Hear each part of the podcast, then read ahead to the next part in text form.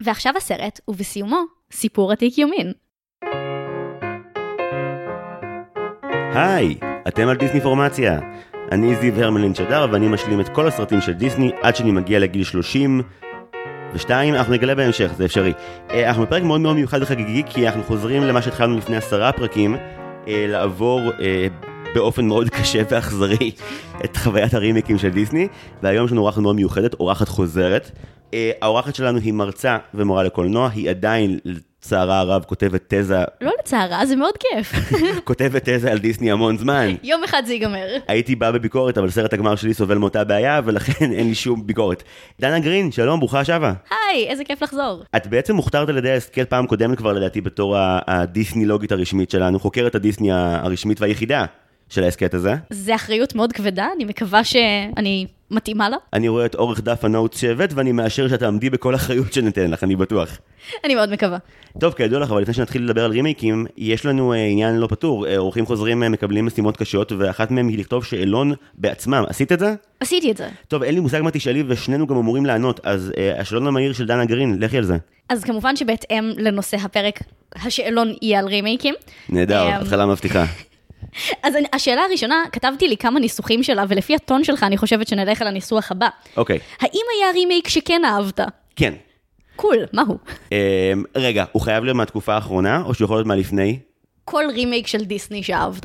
אז אני חושב שיש איזשהו תיקו מעניין בין 101 כלבים וגנבים לבין אבא מתארס. cool. cool, מגניב. אבל היה גם סרט אחד ברימיקים שאמרת לי לראות לפרק היום, שגם אותו די חיבבתי.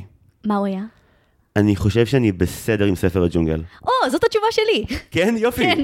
Uh, אני חושבת שיש הסכמה די גורפת שהוא בין הקבוצה החדשה הזאת של הרימייקים לא רע בכלל. cool, שאלה שנייה.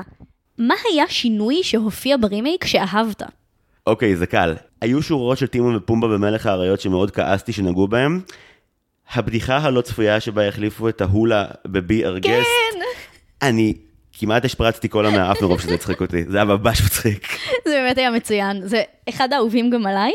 Uh, אני אגיד אבל משהו שהוא לא, לא בבדיחות. אוקיי. Okay. Uh, בסינדרלה, זה שהיא פוגשת את הנסיך לפני, שהיא, לפני הנשף, זה שינוי כל כך עדין וקטן, שפשוט פותר בעיה משמעותית בהתאמה של הסיפור הזה להיום. אני חושבת שזה היה מאוד אסתטי. וואי, אוף, לא, התשובה שלך יותר טובה, אני רוצה תשובה אחרת. אה, אוקיי, אני אגיד משהו ממש קטן. דנה הביאה לי לראות חמישה סרטים לצורך הפרק הזה, כאילו דנה הביאה לי רשימה ואמרתי, אוקיי, זה יהיה חמישה, זו הייתה טעות שלי, לא שלך. אה, ונשברתי בחמישי, פשוט כי היה לי overdose וסכרת שלהם, אז נשברתי ביפה והחיה, אני עוד צריך לראות אותו כמו שצריך עוד פעם, אבל לא היום ולא בשנה הקרובה. מה שכן אהבתי מאוד, זה שבל משמעותית פחות פוסטמה. בקטע, כן. בקטע קיצוני. כאילו היא הרבה, נכון שהם רצו את הקלישאה השנייה של, היא כאילו נהיית יותר של גיאה פה, היא יותר אוהבת את כולם ונחמדה לכולם, אבל כשהיא מבקרת את הפרובינציאליות שלהם, היא לא מבקרת את זה שהם בורים, היא מבקרת את זה שאין פה אף אחד שמעוניין לדבר על מה שמעסיק אותה או שהיא אוהבת, וזה הרבה יותר בדידות, וזה עבד להם ממש טוב לדעתי. אני מסכימה, יש חלקים באישיות שלה עכשיו שאני דווקא פחות אוהבת, ואני מרגישה שלפעמים הם קצת הלכו אובר, אבל אני לגמרי מסכימה לדבר הזה. באמת היחס שלה לעיירה הקטנה מוסבר הרבה יותר יפה בעיניי. טוב, יופי, הייתה לי תשובה כיפית, ואז היה לך תשובה ממש טובה, אז נאלצתי גם לדבר ממש הרבה. יופי, מה השאלה הבאה? Uh, השאלה הבאה היא השאלה ההפוכה, אם היה שינוי שממש לא אהבת. אוקיי, okay, יש שאלה עתידית על שינוי שבלבל, כי יש שינוי אחד שממש בלבל אותי ואני צריך לדבר עליו עם מישהו. קול. הסוף של ספר הג'ונגל. כן. מה קורה? שאלה ממש טובה. לא, אוקיי, זה ספוילר מן הסתם, כל הפרק יהיה ספוילרים.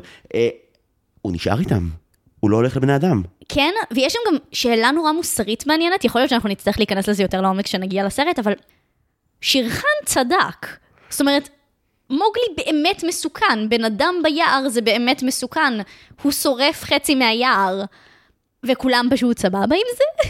אבל זה קצת כאילו, זה כמו בסרטי כזה חזרה בזמן, שאם לא היית חוזרת מלכתחילה בזמן, כל מה שקרה בדיעבד לא היה קורה, כי את עשית את זה חזרה בזמן. אם שירחן לא היה מסליל את מוגלי לחפש נכון. את האש או לחקור אותה, מוגלי אף פעם לא היה מסוכן ברמה הזאת, כי המבנה אישיות שלו לא היה מחפש דרך להשחית את היער.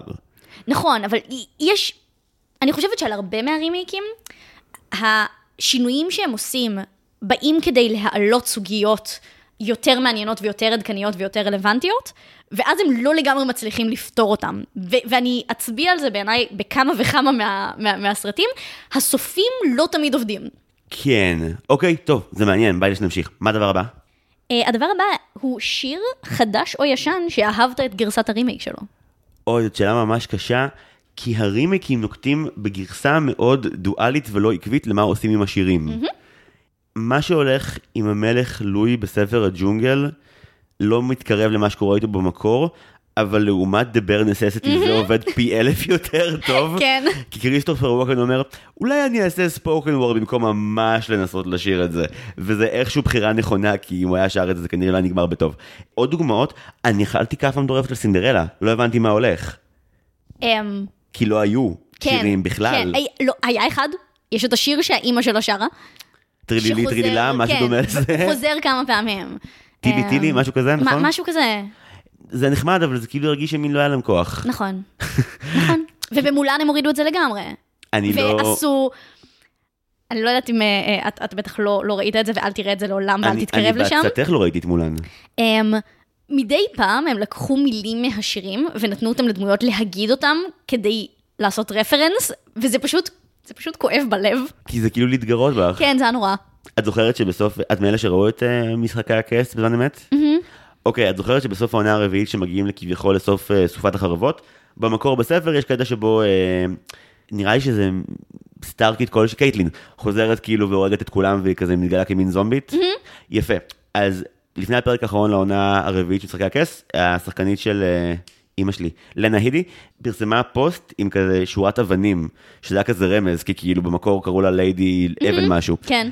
ואז זה לא קרה. אוי. וזה היה פשוט התגרות איומה. אוי. אז כשכאילו דוחפים לדמויות מסוימות שורות כזה, אולי הם בונים לנו, אולי הם כן ישירו את זה, אולי זה, לא, זה כל מה שנקבל. כן. לכו מפה. זה היה מאוד כואב. אם- אגב, עוד דוגמת אה, אה, הפכו שירה לדיבור שהייתה, הוא קצת יותר שר, אבל נורא נורא עצבנה אותי, זה מה שהם עשו לשיר של סקאר. אוי ואבוי, אימא פשוט שלכם. שיר כזה טוב. הצבועים לא שרים, הם עושים קולות רקע כמו מנוולים. זה, זה פשוט... נורא. החלק החביב עליי בלהתכונן זה כשהם מצטרפים אליו. כן. נחמד שיהיה, אהבתי את זה מאוד, וכאילו, בכלל, הם פישלו עם סקאר בכל, כאילו זו הדמות שהכי חטפה לדעתי בסרט הזה, הרסו אותו לחלוטין, אוף. אז בעצם לי- עלינו גם על השיר וגם על, גילינו עוד דברים שאנחנו לא מרוצים מהם. אה, כי אנחנו לא מרוצים מהרבה דברים. לא, אז יש דברים שאנחנו מרוצים מהם. אני כן רק חש צורך להגיד שסינדרלה מאוד הפתיע אותי לטובה. לא היה לי כיף לראות אותו, אבל הוא תיקן המון עוולות של הסרט המקורי ממש. זהו, זה בדיוק זה. ההרגשה שלי עם סינדרלה זה שהוא פחות מהנה עבורי מהסרט המקורי, אבל הרבה דברים הוא עושה נכון. זאת כאילו- התחושה שלי. אני מבין אותך, אני כאילו סבלתי מהסרט המקורי סבל איום ונורא, כי העכברים עצבנו אותי, אז כמובן שהרימייק היה בשבילי במיוחד, אבל אה, לא יודע למה חשבתי שאולי לפחות כשהפייה תחשוף את פניה, אז כן נקבל את ביביטי בוביטי, זה הרגיש לי המ- המינימום מתבקש. כן, זה היה מאוד מוזר. זה היה מאוד מוזר, ואני לא בטוח מה יש לקנט בראנה נגד נאמברים, אבל כאילו זה היה מבאס. כן. שאלה אחרונה? וואי, זה עובר מהר מדי, אוקיי, כן. שאלת literally מיליון הדולר, לאיזה סרט היית רוצה שיעשו רימייק? מהרימייקים, לא, סרט של דיסני, של אין לו רימייק, Oh שאתה God. רוצה שיהיה לו רימייק. אני כזה, אנחנו בכמה meta אנחנו כבר, איזה רימייק הייתי רוצה שיעשו רימייק עוד פעם, אה, סינדרלה אבל כסרט אילם. אה, אוקיי, שעוד לא עשו לו. כן. מה, להיות שותף לפשע? מה מה זה השאלה הנוראית הזאת? זה מדרדר, אוקיי. שלא עשו לו רימייק, ש... הרי הם יעשו. אז למה אתה חושב שיש פוטנציאל להצליח ולהיות מעניין? אני לגמרי רואה איך היה אפשר לעשות משהו מעניין עם משחקים הרבה יותר אפורים של אה, לא טוב מוחלט ולא רע מוחלט על הרקולס, שזה סרט שבו יש, חוץ ממג, כאילו הכל מאוד חד משמעי למי נפלא ומי נוראי. לא, אני טועה, הרקולס עובר שם כמה משברים, אבל כאילו איכשהו אני מרגיש שאחרי שכל מה שהטלוויזיה עברה עם אה, גיבורים שהם אנטי גיבורים והם צריכים כזה להתחבט בין הקצב והתהילה לבין האהבה ומה שחשוב באמת, מגיעה לנו גרסה יותר ריאליסטית ויותר אה, מעניינת מוסרית של הרקולס. אני סופר מסכימה איתך, גם אצלי הרקולס היה התשובה לאיזה אני? רוצה שיהיה רימייק, כן, אבל. אבל מכיוון אחר. אני חושבת שהוא קצת הקדים את זמנו, הוא קצת, הוא קצת מרווילי נכון. בסגנון שלו. אה, ואני מרגישה שלהביא במאי ממרוויל ולעשות הרקולס, אבל ללכת יותר חזק על הגיבורי על, לעשות הרקולס טייקה ווטיטי, כאילו לעשות משהו יותר לכיוון המשוגע של זה ולראות איך אפשר אה, אה, לשחק עם זה. אני חושבת שזה גם יכול גם לתת יותר במה לסרט שלא כל כך הצליח אה, להיכנס ל, ל, לקאלט, הוא כן קאלט, אבל לא הצליח להיכנס לתודעה הקולקטיבית בצורה בישראל כזו הוא מאוד משמעותית. קאלט. נכון? אה, בארצות הברית באמת פחות, וגם לפתור הרבה מה- מה- מהבעיות שלו, זאת אומרת, יש לו בעיית מקצב קשה. נכון. אמ, ואם הולכים איתו all the way מארוול, זה יפתור את הבעיה הזאת. וואי, טייקה וייטיטי זה הצעה מצוינת את הרקולס, ואם לא הוא, ואם מישהו מצליח לשים אה, אזיקי PG-13 על ג'יימס גן, זה גם יביא כן. אחלה תוצאות. אחרי שראיתי את פיסמייקר, ג'יימס גן בהחלט יכול להביא את הרקולס. אז אה, דיסני, תעשו את זה. זהו, זה כל שלום המהיר? כן? הוא היה מהיר.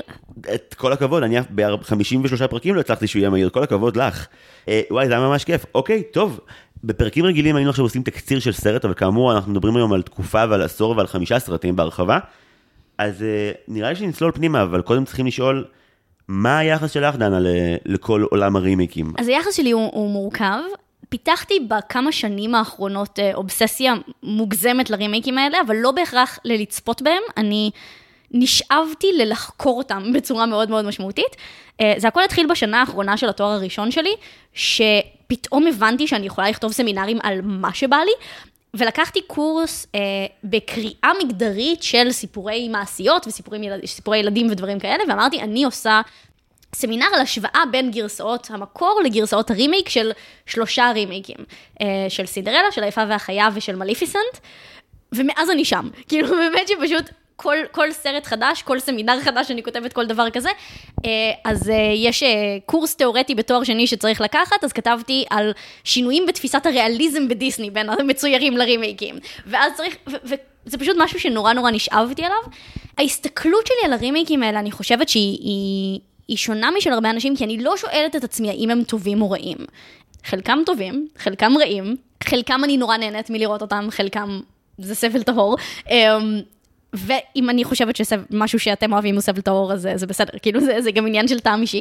אמ, אבל אותי הם פשוט נורא נורא מעניינים, כי אני חושבת שאם יש משהו שהוא כל כך רווחי וכל כך מצליח וכל כך ממשיכים איתו, אז הוא פשוט מעניין וצריך להסתכל עליו ולא לזלזל בו. יש הרבה אקדמאים בעולם שבו אני מסתובבת, שאם משהו פופולרי אז הם אומרים, כנראה שהוא נחות, כנראה שהוא פונה למכנה המשותף הנמוך ביותר, כנראה שהוא לא, לא שווה מחקר. ואצלי התחושה היא דווקא הפוכה, אם משהו פופולרי, הוא יגיד לנו הרבה יותר על התרבות שלנו, יגיד לנו הרבה יותר על, ה- על התקופה ועל דברים כאלה, ולכן אני נשאבת דו, דווקא לדברים האלה, גם אם אני לא חושבת שהם איכותיים מבחינה של טעם. וכשאת מסתכלת על, אה, על 12 השנים האחרונות, את מרגישה שיש איזשהו חזון אומנותי מגובש מאחורי מרבית הרימייקים של דיסני? אני חושבת שיש תופעה שאפשר להסתכל עליה כאיזשהו מכלול, מן הסתם עם שינויים בהתאם ל... להתפתחות של זה, זה משהו שלקח זמן למצוא את הפורמולה שלו, אה, שינויים בהתאם למי מביים את זה ומי מפיק את זה, ואיזה סרט, אחד ההבדלים המשמעותיים שאני רואה, זה שיש סרטים שהולכים ממש רחוק מהמקור ומנסים לייצר סיפור חדש. אה, מליפיסנט עשה את זה, קרואלה עשה את זה, דמבו עשה את זה, ו- ואתם רואים אגב ש- שגם האיכות בתוך הדברים האלה משתנים. מאוד. Um, ומצד שני יש כאלה שהולכים יחסית קרוב למקור. היפה והחיה, אלאדין, מלך האריות, כאלה שהולכים קרוב, יחסית קרוב. קרוב מדי למקור כן. במקרה הזה. ואני חושבת שאחד הדברים שיכולים לחזות האם רימייק יהיה קרוב למקור או רחוק ממנו, זה ממתי המקור. סרטי מקור ישנים יותר, לפני הרנסאנס של דיסני, הרבה פעמים דורשים יותר שינויים, כי הם פחות מתאימים לתקופה היום. אה, ואז אתם רואים דברים כמו היפהפייה נרדמת, שפשוט אין מה, אי אפשר לעשות לו רימייק בצורה המקורית שלו, כן? הוא, הוא, הוא סרט מאוד שבור מבחינה עלילתית. הכאילו גיבורה שלו היא לא הגיבורה שלו, היא ישנה חצי מהסרט, היא בקושי מדברת, אי אפשר היה לעשות את זה. אז את מליפיסנט לא הייתה ברירה, אלא לעשות משהו ממש ממש אחר. לעומת זאת, ככל שמתקרבים לרנסאנס, שזה הסרטים שהכי אהובים על ידי הקהל יעד של הרימייקים האלה, כן? הרימייקים האלה נועדו לר- לרכב על הנוסטלגיה של מילניאלס. אז אם אתה לוקח את הסרטים האלה, אתה חייב לעשות אותם אחד לאחד, ואתה חייב שהשירים יהיו בדיוק אותו דבר, ואתה כאילו, ואם אתה עושה טעות כמו מולן, ועושה משהו אחר, אז כועסים עליך נורא.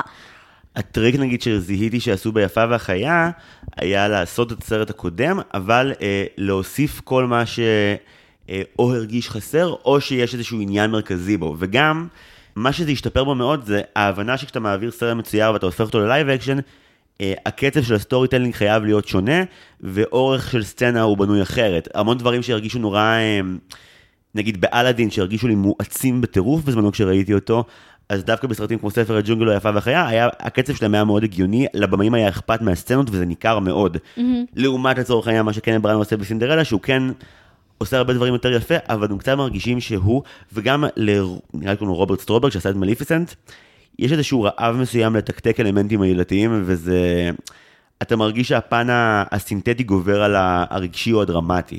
אני מצטער אם זה נשמע נורא מופלץ, אני פשוט מנסה למצוא מילים פשוטות להגיד את זה, כשבעצם נראה לי מה שכואב לי בכלל בכל הסיטואציה זה שאני לא מבין איך עיצבו את הפיות כל כך מכוער במליפיסנט, וזה, וזה, ונראה לי שזה משפיע על כל היחס שלי לסרט, זה התיישן נורא. כן, אולי עברו שמונה שנים, זה נראה uncanny בצורה בלתי נסבלת. אבל יש לי סיפור מדהים. רציתי לעשות שיעור, אני, אני מלמדת בבית ספר אה, יסודי, ויש לי כיתה ה' שאני מלמדת, ורציתי לעשות להם שיעור על נקודת מבט של סיפור, על הטענה שבעצם הרבה סיפורים נצמדים לנקודת מבט מסוימת, ואם ניקח פתאום עמדה של דמות אחרת, נספר את הסיפור מצורה אחרת לגמרי. ורציתי להראות להם את מלך האריות אחד וחצי, ראית כן. אותו? כן, ראיתי קטעים בתור ילד, ואני זוכר מהבית ילדים בקיבוץ, את הרגע שבו מתחילים, וראיתי את הפתיחה של מלך האריות כמה פעמים בתור ילד, ואז שמיד טימון צועק מה, מה בתפריט היום, משהו mm. חריף, איזה סירחון זה פומבה, אתה מבין שכאילו אוקיי, משהו, משהו מאוד אחר קורה. כן, אז, אז זה מצוין, ומה שקרה זה שסיפרתי להם על זה בשיא ההתלהבות, אמרתי להם, יש כל מיני סרטים של דיסני בזמן האחרון, שלוקחים נקודת מבט אחרת מהנקודת מבט אה, אה המקורית שלהם, והזכרתי את מליפיסנט והזכרתי את קרואלה, ואז רציתי שנראה את מלך האריות אחד וחצי, כי קיוויתי שהם לא ראו אותו, ואני מביאה להם כאילו הפתעה ומשהו מגניב וחדש שהם לא ראו. ואז אמרו לי, ראינו את זה, זה לא כזה טוב. אימא שלכם. ואז התבאסתי נורא, אבל אז מה שקרה זה שהם אמרו לי, אפשר לראות מליפיסנט? זה כן טוב. מה, מה הם לקחו? Um, לא, הם חמודים ממש, גם uh, אולי הם ישמעו את זה, אז uh, אנחנו נחמדים עליהם, הם אחלה של כיתה. סליחה, אתם, אתם בסדר, הדעות שלכם לא. Um, לא, אבל אני חושבת... מי רוצה לראות את מליפיסנט עוד פעם? הטענה שלי היא שיש משהו במליפיסנט שכן עובד, הוא לא מושלם, יש לו המון בעיות, ואני חושבת שבאמת מבחינת הוויזואליה שלו, הוא פשוט התיישן לא טוב בכלל. אבל אני חושבת שיש משהו בלקחת גיבורה, שהדבר היחיד ש... שאנחנו יודעים על האישיות שלה זה שהיא נורא נורא נורא חזקה, ולעשות את ההיפוך הזה ולראות איך, איך אפשר להפוך אותה לדמות מורכבת ומעניינת, יש, יש לזה ערך. אני חושב שהאידיאולוגיה מאחורי הסרט הזה, יש בו רצון מאוד מאוד מאוד טוב, וביצוע במרחק שמונה שנים אחורה, כי רק עכשיו ראיתי את זה, אה, מאוד מאוד בעייתי, אה, אבל נגיע לזה תכף. Mm-hmm. אוקיי, אמרנו שאני הולך מסודר, בכל זאת לא כל יום מגיעה חוקרת לאולפן, אז נתחיל ממבוא? נתחיל ממבוא. אז כן שווה להגיד שכשאני מדברת על הרימיקים, ואובססיית הרימיקים שפיתחתי לאחרונה, אני תמיד מתחילה עם אליס בארץ הפלאות. Um, עכשיו, זה לא שלא היו רימיקים לפני זה, היו רימיקים לפני זה, ושווה שווה תכף שנזכיר אותם ו- ו- ומה קורה איתם, אבל בעצם הגל הנוכחי בצורה שלו, אה, מבחינתי מתחיל, מתחיל עם אליס. אה, לפני זה היו כל מיני דברים שדיסני עשו עם חומרים קיימים. אפשר לטעון שאליס בארץ הפלאות המצויר הוא המשך של המשחק של וולט דיסני עם אליס עוד מלפני זה. אה, היו, וולט עשה סרטונים שמשלבים אנימציה ו live action של אליס בארץ הפלאות. כבר שבו... בשנות ה-30, כן, נכון? כן, ממש מזמן. אמ, ואליס הייתה ילדה אמיתית, והיא נכנסה לעולם מצויר, ואז אפשר לטעון במובן מסוים, שאפשר לראות באליס המצויר איזשהו סוג של רימייק, כי הוא חוזר לאותו סיפור שהוא כבר סיפר. אני אחדד למי שפשוט לא, לא מכיר את הסיפור, אליס בארץ הפלאות שאנחנו כולנו מכירים מ-51, הוא בעצם רימייק של סרטונים קצרים שדיסני עשה באופן ניסיוני, ששילבו live action ואנימציה. בערך, זה לא רימייק, כי הוא לוקח חלקים אחרים מהסיפור, זה בעצם... אדפטציה נוספת לאותו סיפור שדיסני כבר שיחקו איתו קודם. מגניב. אז, אז זה דבר אחד. אחר כך, אה, היו מקרים שבהם דיסני עשו רימייקים לסרטים, לסרטי live action. אה, לא לסרטים מצוירים, ולכן בעיניי הם לא חלק מאותה, מאותה קטגוריה. ומאוחר יותר, בשנות ה-90, היה ניסיון ממש לעשות רימייקים כמו שאנחנו מכירים אותם היום. אה, היה איזשהו ספר הג'ונגל, שלא ראיתי, אה, והיה את 101 כלבים דלמטיים, שאותו, אני חושבת שהוא היה כן יותר פופולרי, הוא גם הגיע, אה, הגיע לארץ, אני זוכרת שהיו לחברים שלי קלטות שלו, אז... אז כאילו אפשר היה להתחיל איתו, עם... אני יודע להגיד שזה, mm-hmm. אני חושב שזה סרט הדיסני מהראשונים שראיתי בקולנוע. Mm-hmm. כי הייתי בן איזה חמש, אני מבוגר. ציינתי כבר שאני מבוגר, ראיתי את הסרט הזה מ-96 כשהייתי בקולנוע. עם אמא שלי, היה אימה מאוד מוחלטת בגן הילדים שלי סביבו. מכירה את זה שאת ילדה ממש קטנה, ויש סרטים שכאילו יש משחקים של מי גיבור כי הוא ראה אותם עד הסוף, סרטים שכאילו... אז 101 כלבים וגנבים היה בגן הילדים שלי, סרט שבו אתה אמיץ אם ראית, כי בחלק האחרון קרואלה נופלת לתוך דבש וזה נורא מפחיד. ו- ואני לא האמנתי שאני אשרוד את המראה הזה. ואז ראיתי את זה בקולנוע, ואימא שלי עודדה אותי לפקוח עיניים. כל הכבוד. וזה היה מאוד כיף, כי הייתה ממש רעה. אז כן, הוא היה, אני יכול להעיד בלייב מהימים שבהם הוא, הוא יצא, שהוא היה היסטריה מוחלטת בקרב ילדים, והרבה אנשים גם נראה לי, אני בטוח שהוא עורר באנשים רצון לחזור או לבדוק את המקור. הוא עושה את כן. האפקט הזה באמת בצורה מאוד מוצלחת. אחרי זה יש לנו עוד שני רימיקים ל live action שאני זוכר, שזה באמת אבא מתארס, וגם Herbie Fully Loaded מ-2006. אז אני רוצה להפריד בין רימייקים לסרטים מצוירים של דיסני, שהם חלק מהקאנון של דיסני, לסרטים, לרימייקים שהם לא זה. רימייקים בהוליווד זה לא דבר חדש, כן? יש המון המון המון רימייקים, זה דבר נורא רווחי לעשות ונורא משתלם, והוא קורה לאורך כל ההיסטוריה עוד הרבה לפני שדיסני נכנסו לא- לאובססיה הזאת.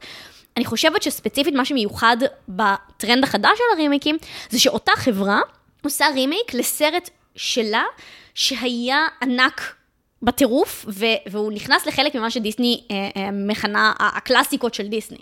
ואני חושבת שזו סיטואציה אחרת מחיבושית בהילוך גבוה או מאבא מתארס. אף על פי ש... אבא מתארס הוא קלאסיקה בפני עצמו, כן? אה, אני, אני לא אזלזל בזה, אבל אני כן חושבת שזו תופעה אחרת. לא, לגמרי, זה גם, גם צריך לומר, זה לא אותו אולפן. כלומר, אולפני כן. אנימציה, אבל זה לא אותו מקום. כן, ואם נדבר שנייה על 101 כלבים דלמטים, כאילו אפשר לראות בו חלק אה, אה, מהטרנד הזה, הוא גם לא מאוד מאוד רחוק, כן? הוא משנות ה-90, אבל משנות ה-90 ל-2010 נדמה לי, עם אה, אליס בארץ הפלאות, האולפנים של דיסני עוברים שינוי מאוד מאוד משמעותי. הרנסאנס נגמר. תקופת הרנסאנס, שנות ה-90, מ-89 עם בת הים הקטנה ועד מולן מ-98 נדמה לי, משהו כזה סוגרים את זה. יש אנשים שסוגרים את זה מאוחר יותר ומכניסים לשם את הקיסר נפל על הראש.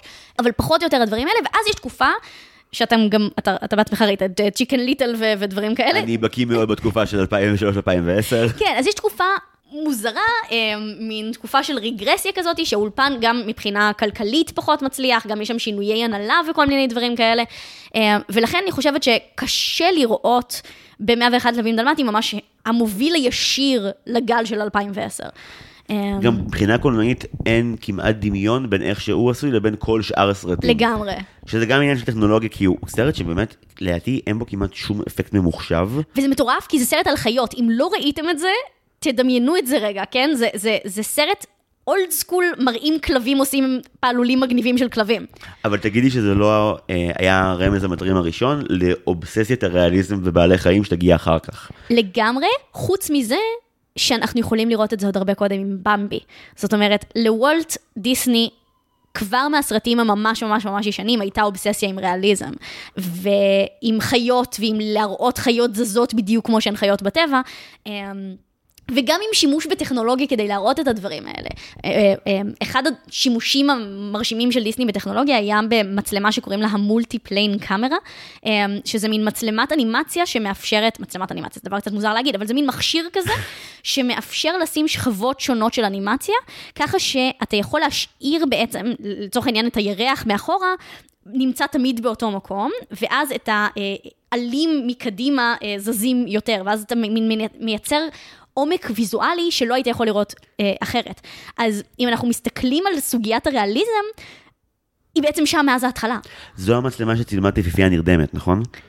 אני זוכר אה, שקראתי לזה הרבה בזמנו על הפרק ההוא, שבאמת, מבחינת כל הרצון שהארמון והמפלסים ירגישו תמיד תלת-ממדיים ואיזשהו עומק תמידי, שזה ירגישו שאתה שם, גם אם אתה לא רואה את זה עם איזה משקפיים מפגרים, שזה באמת ירגיש כמו חוויה פנימית עמוקה של ככה דברים נראים, וככה. יש איזה מילה, מילה נוראית, אה, אה, מרקמים, שתחושי את כל המרקמים השונים של החלל. כן, אז אני חושבת שכן, אני לא בטוחה כי זה גם, זה גם כמה שנים קדימה, אז יכול להיות שזה מין גלגול מתקדם יותר של, של אותה הטכנולוגיה.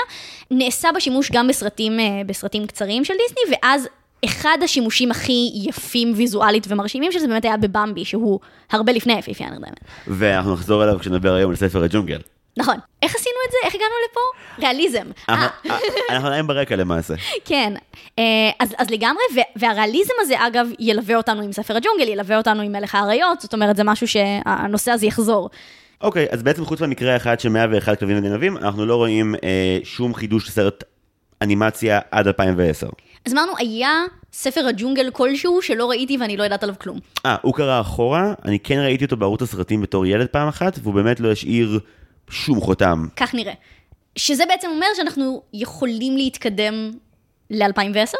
אבל אני מניח שהשיחות על התופעה מתחילות עוד קודם. כשטים ברטון עשה את אליס זה היה החזון שלו, שמישהו מהאולפן רצה. עד כמה שאני יודעת, טים ברטון בשלב הזה יכול לעשות הרבה ממה שבא לו, אה, ולכן קשה לי להאמין ש... אתה יודע, שהכריחו אותו לעשות משהו שהוא לא רוצה. לא מופרך בעיניי, אבל שמישהו מדיסני הציע את הדבר הזה, אני באמת לא יודעת מי, מי העלה את הדבר הזה.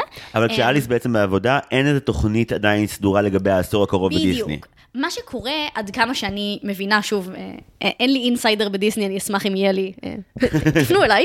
אה, אבל עד כמה שאני מבינה, אליס בארץ הפלאות נועד להיות סרט טים ברטוני. זאת אומרת, הוא מאוד מאוד בסגנון של אה, צ'ארלי בממלכת השוקולד, הוא מאוד בסגנון של אה, טים ברטון עושה סרטים אפיים גדולים עם איזשהו סיפור פנטזיה אה, מגניב כזה.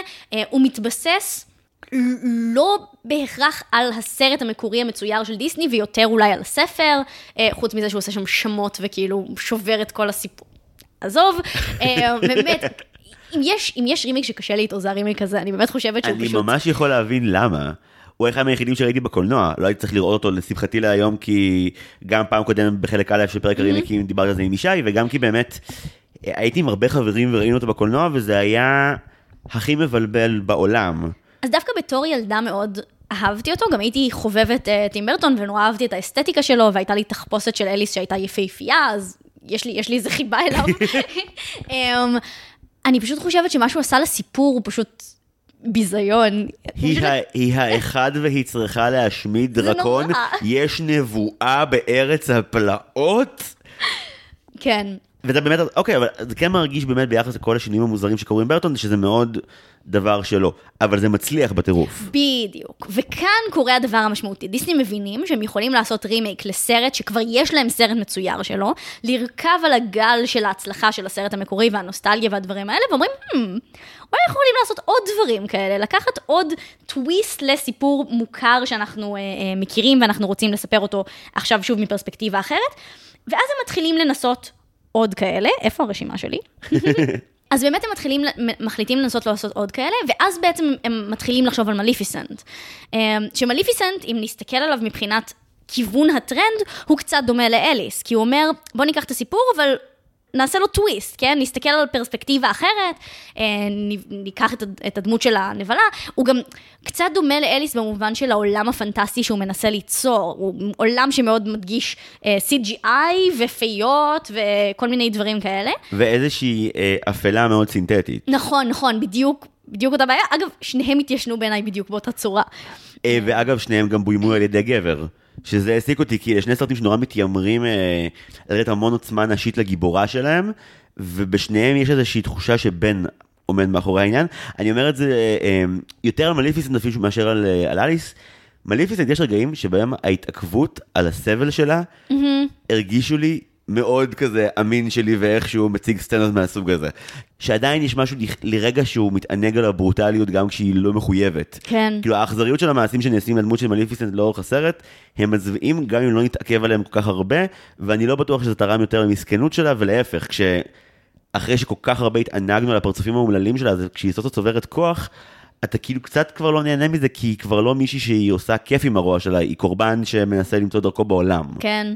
כן, אני לגמרי מסכימה עם, ה, עם הגישה הזאת. וואי, להצליח כן. להשיג הסכמה ממך זה אות של כבוד, דנה, אני מה זה מתרגש, אני לא צוחק. לא, אני חושבת, אנחנו נדבר על מליפיסנט לעומק, אני חושבת שיש שם הרבה דברים שהם עושים לפחות מעניין, אם לא אה, ממש מוצלח, אבל אני כן מסכימה עם, עם ההצבעה על הבעיה, זאת אומרת, משהו בסיפור הזה לא מצליח בעיניי עד הסוף אה, להציג את, ה, את החוזק שלה באופן שאתה, לפחות עבורי, לגמרי רוצה לזרום איתו, כאילו היא, היא מאבדת מה...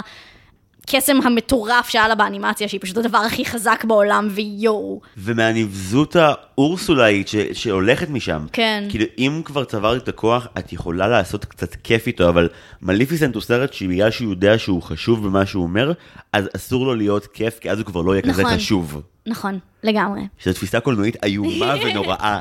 ממש. רגע, אוקיי. אה, צריך להזכיר עוד משהו אולי. כי אמרת שבעצם אה, אחרי שאליס מצליח, דיסני מתחילים לראות את האפשרויות הכ- הכלכליות ומתחילים לחפש כיוונים. זה הזמן שגם בו באמת האולפן עוד לא באמת חזרה לגמרי על הרגליים. כאילו, הנסיכה והצפרדע לא עשה כל מה שהוא היה צריך לעשות, אה, פלונטר רק מתניע משהו, אין להם מושג שעוד יהיה להם עשור מאוד רווחי מסרטי האנימציה שלהם. נכון. והם קצת בונים על סרטי ה live action, שבעצם אה, ישמרו אותם מאוד רווחיים. נכון? תכף נדבר רגע על כסף. אה, אני... אה, יש לי- פינה? יש לי תיאוריית הכסף. אה, אבל אם, אם נסיים רגע את הסקירה ההיסטורית, אז באמת מל, מליפיסנט נורא נורא מצליח, ואז אומרים, hmm, זה לא משהו חד פעמי כזה שטים ברטון אה, הוא הכוכב והוא אה, מצליח להביא לנו את הדבר הזה, אלא גם מליפיסנט עושה את הדבר הזה, בואו נעשה עוד. ואז עושים את סינדרלה, שגם מצליח להם, ו- ואז אגב מת, מתחיל להתקבע פורמט קצת יותר מסודר, זאת אומרת, אה, סינדרלה ואחר כך...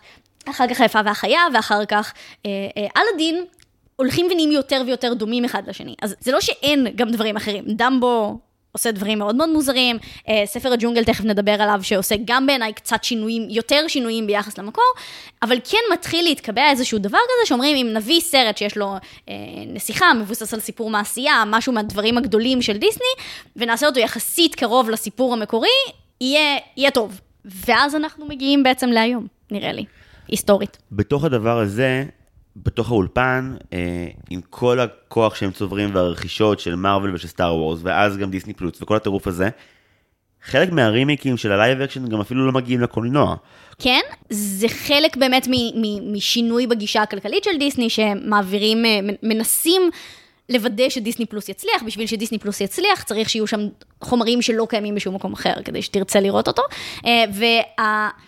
direct to דיסני פלוס מאוד מזכיר את מה שהם עשו בשנות ה-90-2000 עם את direct הולכת to להגיד video. משהו מרושע, ידעתי.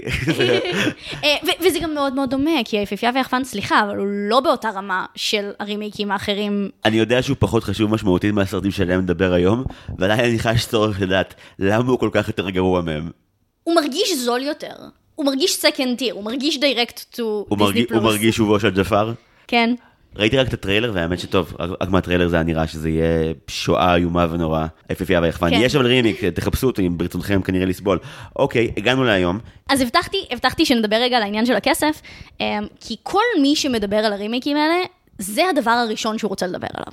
נכון? וכולם אומרים, אה, דיסני עושים את זה כי זה נורא נורא רווחי להם, וכי זה נורא משתלם, ואני לא אומרת שזה לא נכון. זה כמובן נכון, כאילו דיברנו על זה עד עכשיו, אתה הצגת את אה, ההצהרות הכלכליות של החברה בתקופה הזאת, הכל, הכל אמת. בעיניי זה לא מספיק. זאת אומרת, אני חושבת שלהגיד, עושים את זה כי זה כסף, זה מזלזל בקהל, כי הקהל לא רואה כל דבר ש, שמביאים לו, נכון? לא כל דבר שזורקים עליו מספיק כסף, מרוויח את הכסף הזה בחזרה, מצליח, גורם לאנשים לרצות לראות את זה ולרצות לראות את זה שוב ושוב, ואם זה לא היה מושך קהל, אז הטרנד הזה היה נפסק, הוא לא היה ממשיך להיות רווחי. אחרי שהיית רואה אחד כזה גרוע, שניים כזה, רימיק אה, גרוע אחד, רימיק שני גרוע, ולא מתחבר לטרנד הזה, אז זה לא היה נמשך. ולכן אני חושבת שהרימיקים האלה, אותי הם מאוד מאוד מעניינים, למרות שהרבה מאוד אנשים נוטים לזלזל בהם ולהגיד, דיסני רוצים פה רק כסף. אנשים טוענים שהרימיקים הם בגידה במסורת של דיסני. שוולט דיסני היה מתהפך בקברו אם הוא היה רואה את זה, ושוולט רצה לעשות אומנות, ובמקום זה אנחנו מביאים להם פה אה, התמסחרות מעצבנת שהיא רק בשביל כסף, ובעיניי זה לא נכון. בעיניי הרימיקים האלה הם המשך ישיר של העיסוק של דיסני מאז ומעולם בסיפורים קיימים. דיסני את ההצלחות המסחררות שלהם מבססים על סיפורי מעשיות. סיפורי מעשיות הם סיפורים עממיים. שמועברים בעל פה ומסופרים שוב ושוב ושוב, אחרת הם נעלמים, אין להם וידאו, הם פשוט מסופרים שוב ושוב. ובכל חברה שבה הם מסופרים, משנים אותם קצת ומתאימים אותם לתקופה. בגלל זה יש לך סינדרלה אחת בצרפת וסינדרלה אחרת בגרמניה, אותו סיפור בסיסי, אבל עם שינויים. ובעיניי הרימייקים האלה הם, הם המשך ישיר של אותה תופעה, הם המשך ישיר של הצורך הזה שסיפור עממי ימשיך להתגלגל. אה, ובגלל זה הם כל כך מעניינים בעיניי, כי אני שואלת, לא למה זה קרה? כסף, אלא מה קרה, מה קורה כשהסרטים האלה משתנים, ומה מה השינוי בין המקור לדבר החדש, ומה הוא מלמד אותנו על החברה שלנו, מה הוא מלמד אותנו על מגדר, מה הוא מלמד אותנו על ריאליזם, מה הוא מלמד אותנו על הערכים שאנחנו רוצים לספר בסיפורים שלנו. בגלל זה הם מעניינים.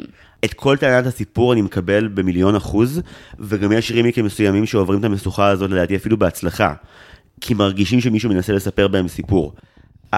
הפן הציני הוא במקום שבו אני מרגיש שכמו שלנטפליקס יש אלגוריתם שקובע מה יהיה בסדרות, ככה בחלק מהרימיקים שאנחנו ראינו לקראת הצפייה היום, אה, סליחה, לקראת ההקלטה היום, היה איזשהו, אני לא רוצה להגיד ניסיון פשוט להשיג מלא כסף, כי קודם הסברת נורא יפה שזה לא יכול להיות רק זה. אבל אולי הפחד מלסטות מהסיפור למקום שקהל כבר לא יאהב אותו, ייצר איזשהו יצור כלאיים מבלבל שבו זה סרט שכבר מזכיר סרט שראית, אבל הוא לא כל כך סרט בפני עצמו. וזה המקום שבו הסיפור נכשל. יש הבדל בין אה, שאבא שלי יספר לי את כיפה אדומה, ואז אני אבוא אלייך ואשתדל לומר את כל מה שאבא שלי אמר כמו שאבא שלי אומר, ואם מדי פעם איזה מילה ישנה מדי אני אחליף אותה, כי היי, את פה, את חדשה, את לא מבוגרת. לבן שלי אבוא ואגיד לך, אוקיי, שמעי קטע. אז פעם אחת ביער, ואני אראה איך יוצא לי. יש הבדל, וביצירות שבהן מרגיש שמישהו ניסה לספר, אפילו בדמבו, אה, אבל תכל'ס זה גם קרואלה. לא היה ניסיון ללכת יותר מדי על מה היה במקור ולספר את זה עוד פעם, אלא איך היו מספרים את זה אם היינו עכשיו. וזה כיף, יש בזה משחק ממש מגניב. הפחד שלי הוא שהמון פעמים, ושוב, אני, אני, אני עכשיו, את רואה אותי שבור והרוס אחרי overdose של לראות חמישה סרטים בשלושה ימים, שאני פשוט מסתכל ואני אומר, אני לא יכול יותר עם התחושה שבניגוד לאגדות הקסומות, כאן הכל בסופו של דבר מרגיש כן קצת מזויף וקצת מהמניעים הלא נכונים, כשאם כבר משהו מניע נכון, עיין ערך מליפיסטנט, אין תחושה ברוב הסרטים שהגיעה איזושהי קבוצת אמנים שאומרת, וואי, היפה והחיה היה משהו מטורף, בוא נעשה את זה אחרת לגמרי. ועם זאת, אין לי זכות מלאה לומר את זה, כי הוא היחידי שלא ראיתי עד הסוף. אז קחי את הדיון מפה. אה, אז אנחנו רוצים... הראשון ברשימה הוא מליפיסנט, נכון? נכון. אוקיי, נלך שנייה אלייך קודם. את ראית אותו, אני מניח, בקולנוע כשהוא יצא. כן. גם את השני? כן. אוקיי, נראה לי שאמרת כל מה שהיא צריכה לומר עליו לפי התגובה של הקן הזה. לא, השני, השני הוא, הוא פחות, אה, הוא פחות. סיגל אמרה לי שזה כמו שרק 2, רק לא מצחיק בכלל ואפילו עצוב. שזה- שרק 2 מצוין. נכון, אבל לא, הוא נפלא, אבל כאילו, אותו קו עלילה של כזה, אוקיי, אז החותנים רעים עכשיו או משהו. כן, כן. אמ, אבל, אבל בלי שום כיף. שום כיף. גם הראשון הוא בלי כיף. נכון. אנחנו מדברים על מליפיסנט. ומליפיסנט הוא סרט שאינו כיף. הוא דברים אחרים טובים בעולם. הוא סרט שמבחינה אידיאולוגית, אוקיי, רוצה לדבר על זה קודם? אתה רוצה שנספר רגע את הסיפור, שאנשים ידעו מה קורה? אוקיי, אז אנחנו ביפיפייה הנרדמת, אבל ההומור נעלם מהעולם, והוחלף בדעות, ב, והוחלף בדעות נכונות. הסיפור שלנו הוא על פייה, בממלכה שבה יש אה, קרב בין הפיות לבני האדם, לא שורר ביניהם שלום, הפיות חיות באיזה אזור ניטרלי כרגע, נכון? בשלב שבו זה מתחיל. אני זוכר נכון. כן, כן, כן, אתה זוכר נכון. אה, האזור הניטרלי הזה נקרא הביצות, ה Moors. דווקא אני כן רוצה להתעכב רגע על האפיון של העולמות האלה, כי אני חושבת שהוא נורא מעניין. אה, הם בעצם, הפתיחה של הסרט אומרת, דבר ראשון, let us tell an old story anew and see how well you remember it, שבעיניי זה מבריק, וכאילו אחלה של פתיחה ל- לרימייק של דיסני. אז, לגמרי. אז כאן קול. ואז בעצם הפתיחה מציגה לנו ב voice over שתי ממלכות שנמצאות בקרב. הממלכה של בני האדם היא ממלכה, ממלכה כמו שאנחנו מדמיינים ממלכות בסרטים של דיסני. האנשים שם הם מאוד... אה, שאפתנים ורוצים כוח ושררה ודברים כאלה, והממלכה הזאת כמובן יש לה מלך שמנהיג אותה, ולעומת הממלכה הזאת יש את ממלכת הביצות הזאת, ששם חיים כל היצורים הקסומים, הפיות ומליפיסנט וכן הלאה. אה, ושם אין מלך, הם חיים באיזה מין דמוקרטיה כזאת, במין שלווה וכיף ו- וקסמים צבעוניים ושמחים. אה, עדיין עם אפקט אפל משום מה, אבל בסדר. כן, הם שמחים בצורה קודרת, משום מה. כן. ואז בעצם מתחיל אה, הקונפליקט כשילד מהממלכה של בני אדם פוגש לראשונה את, את מליפיסנט. הילד הכי ג'ן זי שיכולתי לבקש, כל כך חדור מטרה ואמביציה, לא רואה מבידו ובשמאלו, הוא ישיג את העבודה הזו בטירה גם אם הוא ימות בדרך. הוא רק רוצה להיות מלך, כולם על הזין שלו, הוא, הוא הסימבה של בני האדם. אה, באותו מצב מנטלי של סימבה בשלב שבו הוא שר, משתגע כבר מלך להיות. על הפנים, וכאילו באמת, בעצם בדיעבד, אנחנו בעצם סיפור על, אה, על בחורה טובה פוגשת דוש, זה הסיפור. אני ממש ראינו את זה אתמול בלילה, פה בסלון, אני וחברה עם בר, והגענו לאמצע. והיינו גם מאוד מתוסכלים וגם כבר מאוד מסטולים, כי היה צריך לעבור את זה איכשהו, וכאילו היה דיליי של חמש דקות, שנינו היינו כזה, אה, אונס, זה סרט על אונס. כן, כן, כן. הכי, הכי מפורש שראיתי בדיסני עד היום. לגמרי. אה, ניתן קונטקסט למי שלא ראו את זה, אני בעצם... גם מתנצל בפני אלה שראו אותו, וכאילו הם כבר חמש דקות מקשיבים לנו והם כזה, כאילו דה, אני ראיתי אתמול, סליחה, אני באיחור. זה הפורמט של ההסכם, אני, אני באיחור, בסדר? אה, אז, אז כן ניתן רגע את הקונטקסט. אה, המלך של ממלכת בני האדם שנמצאת במלחמה עם ממלכת הפיות, ביצות, אה, דברים כאלה, הוא אומר, מי שיביא לי את הכנפיים של מליפיסנט, מי שינצח אותה ויביא לי את הכנפיים שלה כהוכחה לזה שהוא ניצח אותה, יהיה היורש שלי. ואז החבר הזה של מליפיסנט, שעד עכשיו היה די חמוד, אבל סימבה רוצה להיות מלך, אז הוא... מחליט שהוא הולך לעשות את הצעד ולבגוד במליפיסנט, הוא מגיע אליה, אה, פוגש אותה, מעודד אותה לשמוח אה, שהוא חזר, אחרי שהם כמה שנים אה, לא נפגשו, משקיע אותה בסם אונס. לחלוטין, לחלוטין. ממש ענבר שאלה כזה, איך היא עדיין ישנה כשהוא קוצץ לה את הכנפיים, ואז היה לי כזה, אה, פשיט במשקיע. כן, ואז הוא אה, תולש ממנה את הכנפיים שלה. בסצנה באמת מזוויעה, זה באמת קורע לב. כל מה שמניפיסנט עשתה עד כה ביחסים שלהם, אני, מבחינה רגשית זה עבד. זה כמעט עבד, לא, זה לא עבד לגמרי. יש בעיה אחת לסרט הזה שמפריעה לזה שם לקרות לדעתי, ואני נראה לי בדעת מיעוט. אני לא חושב שאנג'לינה ג'ולי הייתה רעיון טוב בכלל. למה? קודם כל, הילדה שהייתה לפניה, מעולה, הילדה שעושה את מליפיסנט הקטנה, כן. אין לי תלונות, היא מדהימה. אני חושב, אני מבין למה חשבו שזה יהיה מגניב להביא אותה, כי אנג'לינה ג'ולי יש משהו בפנים האלה שלה, שיכולים להביא כל כך הרבה אה, רגש ולהט וסקסיות, אבל גם המון כוח, והיא לא פריירית של אף אחד, וכל זה, זה נתונים טובים. משהו במפגש של הבעות הפנים והרגש שלה, עם האיפור והתלבושת, mm-hmm. יוצר שוב את האנקניות שלי באופן אישי היה קשה לחבב, וזה שאין אף פעם שום הומור מצד הדמות שלה, mm-hmm. אלא רק או סבל או גאולה.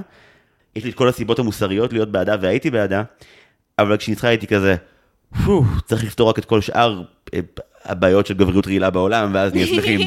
זה לא סרט שהוא, לא, הכל טוב, תבעטי בכל החפצים פה. אה, זה התחושה שלי לפחות, וזה ביאס אותי כי הכינו אותי לזה שהוא יהיה הסרט הטוב בחמישייה. הבנתי. ואני גם מבין למה הוא יכול להיות טוב, ואני גם בטוח שכשהוא יצא והאפקטים שלו יותר חדשים, זה נראה יותר סבבה. אבל בבית, על טלוויזיית 55 אינץ', אתה פשוט רואה המון המון אנימציה ממוחשבת, ואת אנג'לינה ג'ולי מנסה לראות קלבר, כשבפועל היא מצליחה בעיקר להעביר את הפן המיוסר של הדמות. אז אני חושבת ש... אולי הוא לא אחד הטובים, אבל הוא בבירור אחד המעניינים. כן. אמ, ואני חושבת שבגלל זה גם התעכבתי על האפיון של, של הממלכות, כי אני חושבת שיש כאן משהו שהוא פוטנציאל נורא נורא מעניין. להגיד, יש כאן שני סוגים, שמרצה שלי באוניברסיטה אה, עשתה לזה קריאה מגדרית נורא מעניינת, היא אמרה, הממלכה של בני אדם היא ממלכה מאוד מאוד גברית, עם סוג כוח מאוד מאוד מסוים. ולעומתה ממלכת הביצות היא ממלכה נשית, זאת אומרת, הדמות שלנו מממלכת הביצות היא מליפיסנט, שבשלב הזה היא פייה שהכוחות שלה משמשים בעיקר לריפוי והחלמה של עצים וכאילו כל מיני דברים כאלה.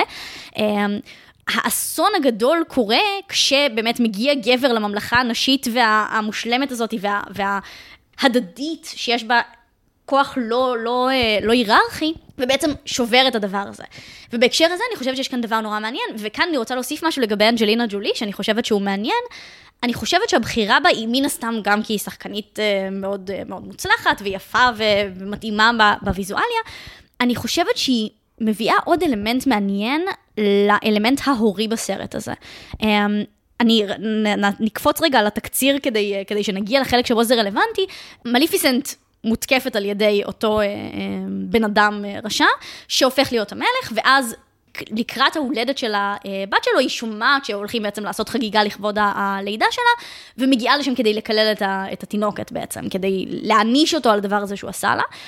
ואז בדומה לסרט המקורי, היא בעצם עוקבת אחרי התינוקת הזאת במשך 16 אה, שנים עד להתגמשות הקללה, אבל להבדיל מהסרט המקורי, היא מפתחת איזשהו קשר כמעט אימהי עם הילדה הזאת. זאת אומרת, היא עוקבת אחריה, אפיות גם מכוערות אה, באנימציה שלהם, אבל גם פשוט לא יהיו צלחיות בכלל, לא מצליחות לעשות שום דבר בלי קסם, הן לא מסתדרות בכלל. ומליפיסן היא בעצם זאת שמגדלת את הילדה. היא זאת שכשהילדה בורחת, אה, אה, בורחת לפיות ומגיעה לצוק, אז היא זאת שמצילה אותה שם, אה, והילדה באיזשהו שלב מתחילה לדבר עם אליפיסנט, והיא קוראת לה הגודמאדר שלה, הפרי גודמאדר שלה ודברים כאלה. וכאן אני חושבת שהבחירה באנג'לינה ג'ולי היא נורא מעניינת, כי אנג'לינה ג'ולי ידועה בזה שהיא מאמצת ילדים. ואני חושבת שיש כאן איזושהי אמירה על הורות אלטרנטיבית, על אהבה לילדה שהיא אהבה באמת של אם מאמצת, שכאן בעיניי מוסיף לקריאה בצורה מעניינת. אבל זה מתחבר אה, בצורה מושלמת למה שאני חושב. כי שוב, גם הרעיון הזה הוא רעיון ממש מגניב. את מודעת לרכילות על אה, מה קרה עם אנג'לינה ג'ולי ו... ומחנות פליטים אחרי הסרט הזה? לא. אה, זה מעולה, סיגל סיפרה לי קודם, היא פשוט, כאילו, זה נכון שהליהוק היה האימא של כולם, כל ילדי העולם, ברור שמליפיסנט תהיה מושלמת כאנג'לינה ג'ולי, ואז אחרי שהסרט הזה יצא, ואנג'לינה ג'ולי יכלה לבקר במחנות, אז ילדים ראו אותה, עשו תנועה של קרניים עם האצבעות וברחו. אז, אז יש לי עוד, עוד פאנ פקט בהקשר הזה. אה, יש, אורורה בתור ילדה קטנה, אה, חיפשו כל מיני ילדות שחקניות ש, שיבואו לעשות את הדבר הזה, ואף אחת לא הצליחה לא לפרוץ בבכי ולברוח, אז זאת הבת שלה. כן, קרה, הבוקר גם אה, סיגל כזה הייתה כזה, אתה יודע שכאילו, היה לי סיגל צ'אנק שלם של, של דברים לומר לי למליפיסנט אתמול בלילה. אה, השורה אבל האהובה עליי הייתה, כן, אני מכירה אותו טוב, ראיתי אותו כמה פעמים בצבא. אה, הוא סרט טוב? לא. כן, זה בדיוק זה. זה בדיוק זה. זה סרט מרתק, שנורא נורא כיף לכתוב עליו, ונורא כיף לעשות עליו תיאוריות, והוא פשוט לא כיף לצפייה. לא, בכלל לא. זה כמו לראות את שש פעמים בדיסני, זה פשוט, כאילו, אני מבינה, לא, האמת שלא, שש פעמים סרט מצוין. אה, טוב, כן, אני, אני מסכים איתך לגמרי שמבחינה קונספטואלית, אה, מה שקורה עם מליפיסנט ואורורה מהמם, וגם ה, השורה של הקריינים בפתיחה של בוא נספר לכם סיפור מחדש, היא, היא ההצדקה המושלמת לזה. אולי אם אורורה הייתה קצת פחות יפה הפעם, כאילו, כן. החצי הראשון של הסרט מרגיש באמת כמו סרט חדש, ואז כאילו כשהאלמנטים של היפייה הנרדמת נכנסים כאילו בכל הכוח פנימה, זה פתאום מרגיש כן יותר סרט דיסני. כמו כן, אה, כל הכיף של האבא של אה, הנסיך מהפעם הקודמת פשוט נעלם. נכון. הוא היה כזה כל ש... הכיף הלך, כל הכיף. אין דבר יותר מרגיז מהקלישאה שפמיניזם וכיף לא הולכים ביחד. כן, ואני גם רוצה להגיד משהו אבל לגבי הפמיניזם, כי אני חושבת שהסרט לא לגמרי מצליח ללכת איתו עד הסוף. אה, זוכרים את התיאוריה היפה שלנו של ממלכת הגברים וממלכת הנשים והדברים האלה? הסוף של הסרט, כמו הרבה מהסופים של הרימיקים, רמזתי, רמזתי לזה קודם, דופק את זה, כי כל היופי של ממלכת הפיות זה שאין בה מלך, נכון? ואז הסוף הטוב זה שמליפיסנט מחליטה לוותר על הכס שלה, היא, כשהיא אה, בוגדים בה, אז היא מחליטה לעשות המלכה של הדבר הזה, ומייצרת לעצמה איזה מין כס כזה מטריד נורא מענפים אה, מכוערים כאלה.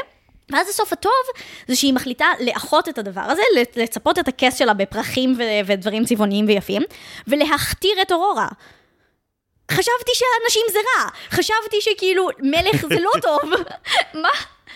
כאילו כי אישה זה בסדר? מה? מה? למה? ככל שאני מבין את דף המסרים, אם בנות עושות דברים שבנים עשו, אז זה טוב, גם אם הבנים עשו את זה לא טוב, אבל עכשיו זה טוב, כי בנות עושות את זה. אבל כל היופי היה שהבחירה שלה לעשות כס ולפעול בכוחניות, היא בחירה של טראומה שהיא צריכה להת... ללמוד ממנה ולעבור הלאה ולא לעשות אותה. זה ברור שזו בחירה לא טובה. הסרט מתעלם אבל באופן כללי מהרעיון של השלכות רגשיות של מעשים. כאילו, אורורה לא עצובה שאבא שלה מת, זה עניין. כן. לא משנה כמה douche הוא היה, היא לא חוותה אותו ככזה, היא לא עברה טראומות שמליפיסנט עברה איתו. אבא שלה פשוט מת ומין כזה, היא כזה, yay, שלום, ואתה כזה, oh my god, פעם בדיסני כשהורה מת, היה, זה היה סיפור פעם, לפני כמה עשורים. טוב, הסוף באמת מאוד משונה, אבל מבחינה רגשית, לא הפריע לי שאורורה הומלכה ככאילו מין, היא האדם היחידי פה שלא עבר אלף דברים סופר פסיכוטיים, וכאילו את רוב הטראומות היא הצליחה איכשהו לפסוח או לעבור בצורה פחות איומה בסרט הקודם, היא ישנה פה איזה ארבע דקות בערך, יהיה בסדר איתה. כן, לא, מבחינה רגשית זה בסדר, אבל מבחינת התמות היפות של הסרט, גם את זה הוא לא מצליח לעשות עד הסוף. אני מניח שמישהו אולי קצת בלם את זה ואמר, לא, צריך מלך. מישהו, מישהו צריך למלוך על הטירה הזאת שמופיעה בפתיח שלנו כל פעם. והמישהו הזה הוא גבר. עוד מילה וחצי על הסיקוול שלו, כי הבנתי שגם מבחינת, נגיד, רעיונות טובים שאומנם נכשלו, אבל היו קיימים בסרט הראשון, זה מת לגמרי בשני?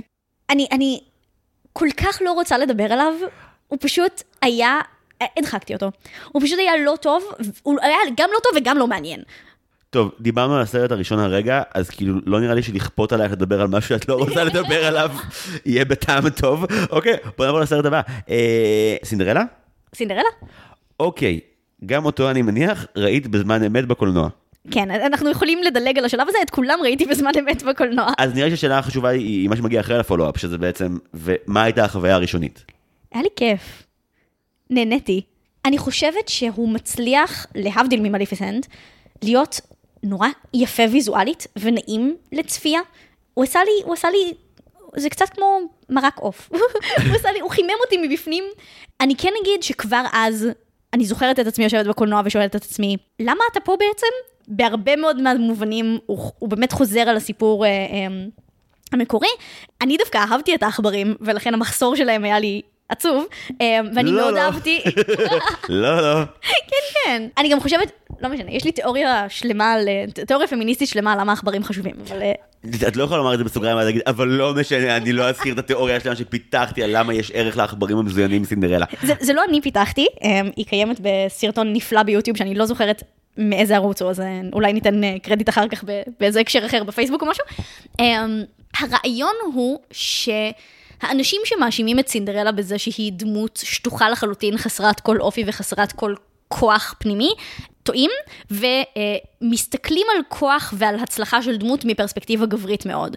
אה, ובעצם אומרים, בשביל שסינדרלה תהיה דמות מוצלחת, היא צריכה להתנגד אקטיבית, לברוח, אה, לפעול בצורה אה, אקטיבית נגד האימא החורגת שלה. ואם אתה מסתכל אה, ממבט הרבה יותר חומל על סינדרלה, היא דמות נורא נורא נורא מסכנה, כן? היא חווה התעללות רגשית ממישהי שהיא אימא חורגת שלה ואין לה הורה אחר, אבא שלה מת בשלב הזה. אה, ובתוך הקושי הזה, היא מאוד מאוד מאוד מקפידה להישאר טובת לב ולייצר מערכות יחסים עם מי שהיא יכולה. עכשיו במקרה הזה זה, זה בעלי החיים, ובגלל שהיא טובה לבעלי החיים, היא כל כך טובת לב אליהם, היא מלבישה אותם והיא מטפלת בהם והיא מאכילה אותם וכל הדברים האלה, הם מאוד מאוד מאוד קשורים אליה. ואז כשאנחנו מגיעים לקליימקס של הסרט, כשהיא נעולה למעלה בחדר ו- ומחכה ש... אה, אה, משהו יקרה ומנסה זה, היא נאבקת, והיא נאבקת באמצעות בעלי החיים. היא אה, מדברת עם הציפורים, ואומרת לציפורים, תביאו את ברונו הכלב, וברונו הכלב מגיע, והעכברים כולם מעודדים אותו, והם משחררים אותה. בעלי החיים, זה שאלה שהיא הייתה טובה אליהם, ו- וטוב הלב הנשי שלה, אה, אה, בעצם הוא זה שגורם לשחרור שלה ולהצלחה שלה. זה לא משהו פסיבי לחלוטין שבא נסיך ומציל אותה. אוקיי, אז אנחנו שנייה בסרט המקורי, אבל... נכון, כל זה לא קיים בסרט לא, לא, החדש. לא, לא, אני אני רוצה רק להגיד, זה מאוד יפה, זה לא מחייב עוד עשר סצנות מזוינות שבהם העכברים שרים בקול chipmunk־י בלתי נסבל, פלוס בנוגע ל live action, היית רוצה לראות קרב CGI של עכברים מול לוציפר? אין צורך. לא, אבל מאוד מאוד מאוד עצוב לי על הסוף של הסרט הזה. אני חושבת שהם... הסרט בעיניי עושה עבודה מאוד מאוד טובה בלתת יותר כוח ו agency לסינדרלה כדמות. לגמרי. עד ה climax, וב climax שום דבר. באמת ברמת ה... נכון, עד עכשיו תיארתי לכם את, ה, את הקליימקס בסרט ה, ה, ה, המקורי, שמה שקורה זה שהיא היא, היא נאבקת, והיא מצליחה ל, ל, ל, להוציא את עצמה משם, והיא מוצאת את המפתח ובלה בלה בלה, ואז היא גם... אחת הנעליים, אחת מנעלי הזכוכית, היא שמרה אותה. ואז כשהאימא החורגת שוברת את נעל הזכוכית אה, בפני הנסיך, וכולם חושבים שאין שום סיכוי, היא שולפת את הנעל שהיא שמרה אצלה, והיא בעצם לוקחת חלק נורא פעיל בהצלה של עצמה, גם אם ההצלה הזאת היא דרך נסיך. בסרט החדש, כלום מזה. האמא החורגת שוברת את הנעל הזאת לפני, היא כלואה בחדר עד שהנסיך שומע אותה שרה את השיר המטופש הזה, השיר היחיד שהם הביאו לסרט, שיר לא קשור, ושום דבר, כלום, איזה בזבוז. אה, יש שיגידו שהיא לא הייתה צריכה את החיות כי היא עשתה את זה לגמרי לבדה. אבל היא לא עשתה את זה לגמרי לבדה, היא הייתה כלואה שם לגמרי. אבל היא שרה מספיק חזק שיהיה הד, מה הבעיה? היא עשתה... זה הגיע שלוש קומות למטה, שיר לא קשור. היא לא חשבה שהיא יכולה לה... היא ויתרה. אז לדעתי עד סינדרלה לא היו סרטים שהיו אמורים להיות בהם שירים וויתרו עליהם, כי כאילו מליפיסנט לא ניסה מכתחילה להיות היפיפייה נרדמת עוד פעם, אליס היה משהו שהוא חיה אחרת לגמרי, נכון. אה, אנחנו לפני כל המפץ של כזה אלאדין וחברים, נכון, אז סוגיית המה עושים עם השירים עוד לא הייתה עם איזושהי הכרעה לכאן או לשם. נכון. זו בחירה מוזרה שבסרט הזה אין שירים. ושיש שיר אחד מטופש. אני שנא את השירים במקור ברובם, ועם זאת גם אני הייתי בשאלה של, אוקיי, אבל כשאפיית הוביעה, היא, היא, היא כן תשיר, נכון? מישהו חייב לשיר בסינדרלה. זה היה מוזר. פלוס, אם כבר לעשות שירים חדשים, בין אם זה ילך נהדר או מזוויע, עם האימא החורגת של סינדרלה 2015 הייתי שמח לקבל איזשהו שיר נבל, כי אפשר. או. למה לא? אני רוצה את זה עכשיו. אז כן, אין שירים בסרט הזה, השיר היחידי הוא אכן לא קשור וגם מגיע באמצעים ריאליסטיים, כי האימא באמת שרה לה את זה, אין תזמורת ענקית שמצטרפת או בעלי חיים ששרים. מה שמאשימים את היפה והחיה בו מהמעט שראיתי ממנו, הרבה יותר קיים בסינדרלה. סינדרלה מוסיף כל כך הרבה דברים שלא מוסיפים לו כלום. כאילו אתה אומר לעצמך, אוקיי, אני אשמח לדעת יותר על ההורים שלה ועל איך הם מתו. אבל האופן הסיסטמטי שבו הם מתים ברבע שעה הראשונה, הוא בעיקר מין כזה, אה, לא התגעגעתי לחלק הזה בדיסני שבו הורגים את כל ההורים כל הזמן. וגם, הסרט מתחיל רק כשאימא החורגת באה. זה נהיה מעניין רק כשמתחיל הקונפליקט. אין, ההסבר המקדים על אבא שלה לא מחזיק מים לדעתי. כן, אם, אם נשווה רגע את אורך האקספוזיציות, בסרט המקורי יש ארבע דקות עד שהיא חיה לבד עם האמא החורגת ו- ושתי האחיות. הארבע דקות האלה כוללות את שיר הפתיחה והכתוביות נכון. הזה, ובאמת בסרט הזה זה בערך חצי שעה עד שהדבר הזה, עד, עד שהדבר הזה קורה. אני מסכימה שאפשר היה לעשות את זה יעיל יותר. אני כן חושבת שהתוספת של האימא, אה, במיוחד מנקודת מבט פמיניסטית, היא מאוד יפה בעיניי. זאת אומרת, היא בעצם זאת ששמה את הזרקור על התכונות החיוביות של סינדרלה, ואומרת, התכונות האלה הן לא משהו שהוא, הם פשוט שם כי היא אישה. אלא הם שם כי היא מתאמצת בשביל זה. זה משהו, זה, זה נותן למגדר להיות הרבה יותר פרפורמטיבי, אמ, זה משהו שהוא בחירה. אני פרפורמטיבי לא במובן של כאילו משחק, אלא פרפורמנס באטלר ו- ותיאוריות של פרפורמנס מגדרי, כן? אמ, סליחה לקהל ש... לא, להפך, אני דווקא בעד שתבערי שנייה, כי זה כן מעניין. אוקיי, אמ, אז הגישה בעצם של ג'ודית באטלר, אמ, אני, אני מה זה רצה על זה פה, כן, אה, פמיניסטיות אה, בבית, אה, אל, אל תצלבו אותי, אבל הרעיון הוא שמגדר הוא לא דבר טבעי שאנחנו נולדים איתו, אלא משהו שאנחנו צריכים לבצע אותו כל הזמן. הרעיון של תפקיד חברתי. כן. כן. ואני חושבת שהתוספת של האימא, שבעצם האימא שלה נותנת לה מנטרה שהיא חוזרת איתה שוב ושוב לאורך הסרט, של have, have courage and be kind, uh, תהיי אמיצה וטובת לב. ובעצם היא לוקחת את שתי התכונות של סינדרלה, אני לא יודעת למה אומץ הוא, הוא כזה שם, אבל כאילו מין לא להיכנע ולהיות טובת לב, הן שתי התכונות המרכזיות שלה, והיא בעצם הופכת את זה למשהו שהוא מאמץ ותכונות אופי ואישיות, ולא משהו שהוא פשוט טבע, כי ככה זה נשים והן כולן טובות לב. יש סצנה שמגיעה ממש טיפה אחר כך בסינדרלה, שבעיניי מראה את מה שאמרת טוב לא פחות, והיא מתוך השואו ולא התל. כי אוקיי, אימא שלה אומרת לה תהיי ככה וככה, ואז מתה וזה הצבא שלה. סצנה וחצי אחר כך, שכבר יש לנו את כל האימא החורגת וה... והאחיות המרשעות, אה, מראים לנו איך נראה הבוקר של סינדרלה. שהיא קמה, היא הולכת אה, אה, החוצה, היא מביאה את הביצים מהתרנגולת, היא גם חמודה אל כולם, גם התרנגולת, גם זה. היא מגיעה למטבח, היא מביאה להם את הביצים, היא טועמת משהו מהקערה, היא מחייכת בשובבות למבשלת והיא הולכת משם. זו סצנה שמראה שבלי קשר למה שנקרא חינוך או נולדתי עם זה, יש איזושהי ראייה אנושית נורא יפה לדמות הזאת מההתחלה, דבר שבסרט המקורי פחות נוכח. היא נחמדה כמו שאמרת, כי היא רוצה להיות נחמדה, לא כי היא חייבת. וזה נורא יוצר טוב את הקונטרסט של, את רואה איך כל הממלכה הזאת, או כל הטירה הזאת מתנהלת נורא נורא נורא יפה, ואז את מגיעה לסלון שבו נמצאות האימא וה... בדרך כלל מילים אחרות כמו המבואה או הטרקלין, שבו נמצאת האימא והאחיות, ואת כזה, וואו, אתם ממש חרבנתם את המקום הזה, הוא היה ממש נחמד עד שבאתם. כן. אגב, אני חושבת שמה שהם עשו עם הדמות של האימא החורגת היה מגניב. שהיא יותר פוליטיקאית מאשר אה, סתם רעה? כן, וגם שאפשר אפשר להזדהות איתה, היא לא סתם מפלצת. בסוף כשהיא אומרת את ה backstory שלה. כן, ואני חושבת שזה זה, זה מאוד מצא חן בעיניי, וגם ה backstory שלה בעיניי, שוב עם הקריאה הפמיניסטית, הוא נורא מעניין. כי הוא בעצם אומר, מי שלא ראו את הגרסה הזאת, היא בעצם, אה, ב, לקראת, לקראת באמת אה, סוף הסרט, היא מספרת לסינדרלה את כל הרקע של איך היא הגיעה להיות שם, והיא אומרת, היו לי נישואים קודמים, הם היו נישואים מאהבה, והבעל הזה מת והשאיר אותי חסרת כל, כי אישה בעולם הזה היא לבדה, היא חסרת כל, היא לא יכולה להחזיק רכוש בעצמה, ולכן הייתה צריכה להתחתן בשביל כסף. הנישואים השניים שלה היו נישואים בשביל כסף, ואז גם הבעל הזה מת, והיא נשארה עם ילדה ש... אין לה קשר איתה, שמראש היא לא אהבה אפילו לא את אבא שלה, כי היא התחתנה איתו בשביל הכסף, והיא נתקעה עם הדבר הזה, וכל יום מזכירים לה שהיא פחות אהובה ופחות יפה ופחות מוצלחת מהאישה הקודמת. והדבר הזה הוא נורא מעניין בעיניי, כי הוא בעצם נותן לסינדרלה אפשרות להזדהות עם האימא החורגת, כי סינדרלה נמצאת בעצם, היא, היא האימא החורגת לפני שבעלה האהוב מת. וזה נורא יפה וזה נורא מעניין. כאילו כן, אבל. האימא, לא, אני אסביר. ודיברת לפני רגע על כך שחלק מרכזי מהתיאוריה הזאת זה, זה הבחירה. בניגוד לצורך העניין, ל... תשווי בין איך מליפיסנט ניגשת לאורורה לבין איך האימא החורגת ניגשת לסינדרלה, אוקיי? אורורה היא, היא, ילדתו של האדם שהרס אותה, היא המשך של שושלת אדם שחיללה את מליפיסנט. והיא לא מתעמרת בה, היא קודם מתבוננת בה. האימא החורגת של סינדרלה משליכה עליה את כל התסכולים שהיא לא יכולה לשאת, גם כשהיא לא חייבת, כי שוב, זו מעשייה ולכן הרוע חייב להיות גדול מהחיים, אבל רוע גדול מהחיים פוגש backstory ריאליסטי, זה טריקי. כי אני לא יכול, עד שמגיע ההסבר הזה, אחרי שעה וחצי בסרט, לדעת שיש מניע חוץ מזה שהיא ממש ממש רעה, אבל לפחות היא עושה את זה ממש מגניב. וזה לא מסביר את למה את צריכה כל כך להתאכזר אליה. אם, זה, אם זה כי היא... Uh, הזיכרון של אשתו המתה, של הבעל המת שלך, והיא מזכירה לך שהצל חיוור שלה מבחינת הממלכה, אז את לא חייבת להיות, אני לא מטיף פה לאף אחד, כן, אני מנסה להסביר למה זה מתסכל אותי.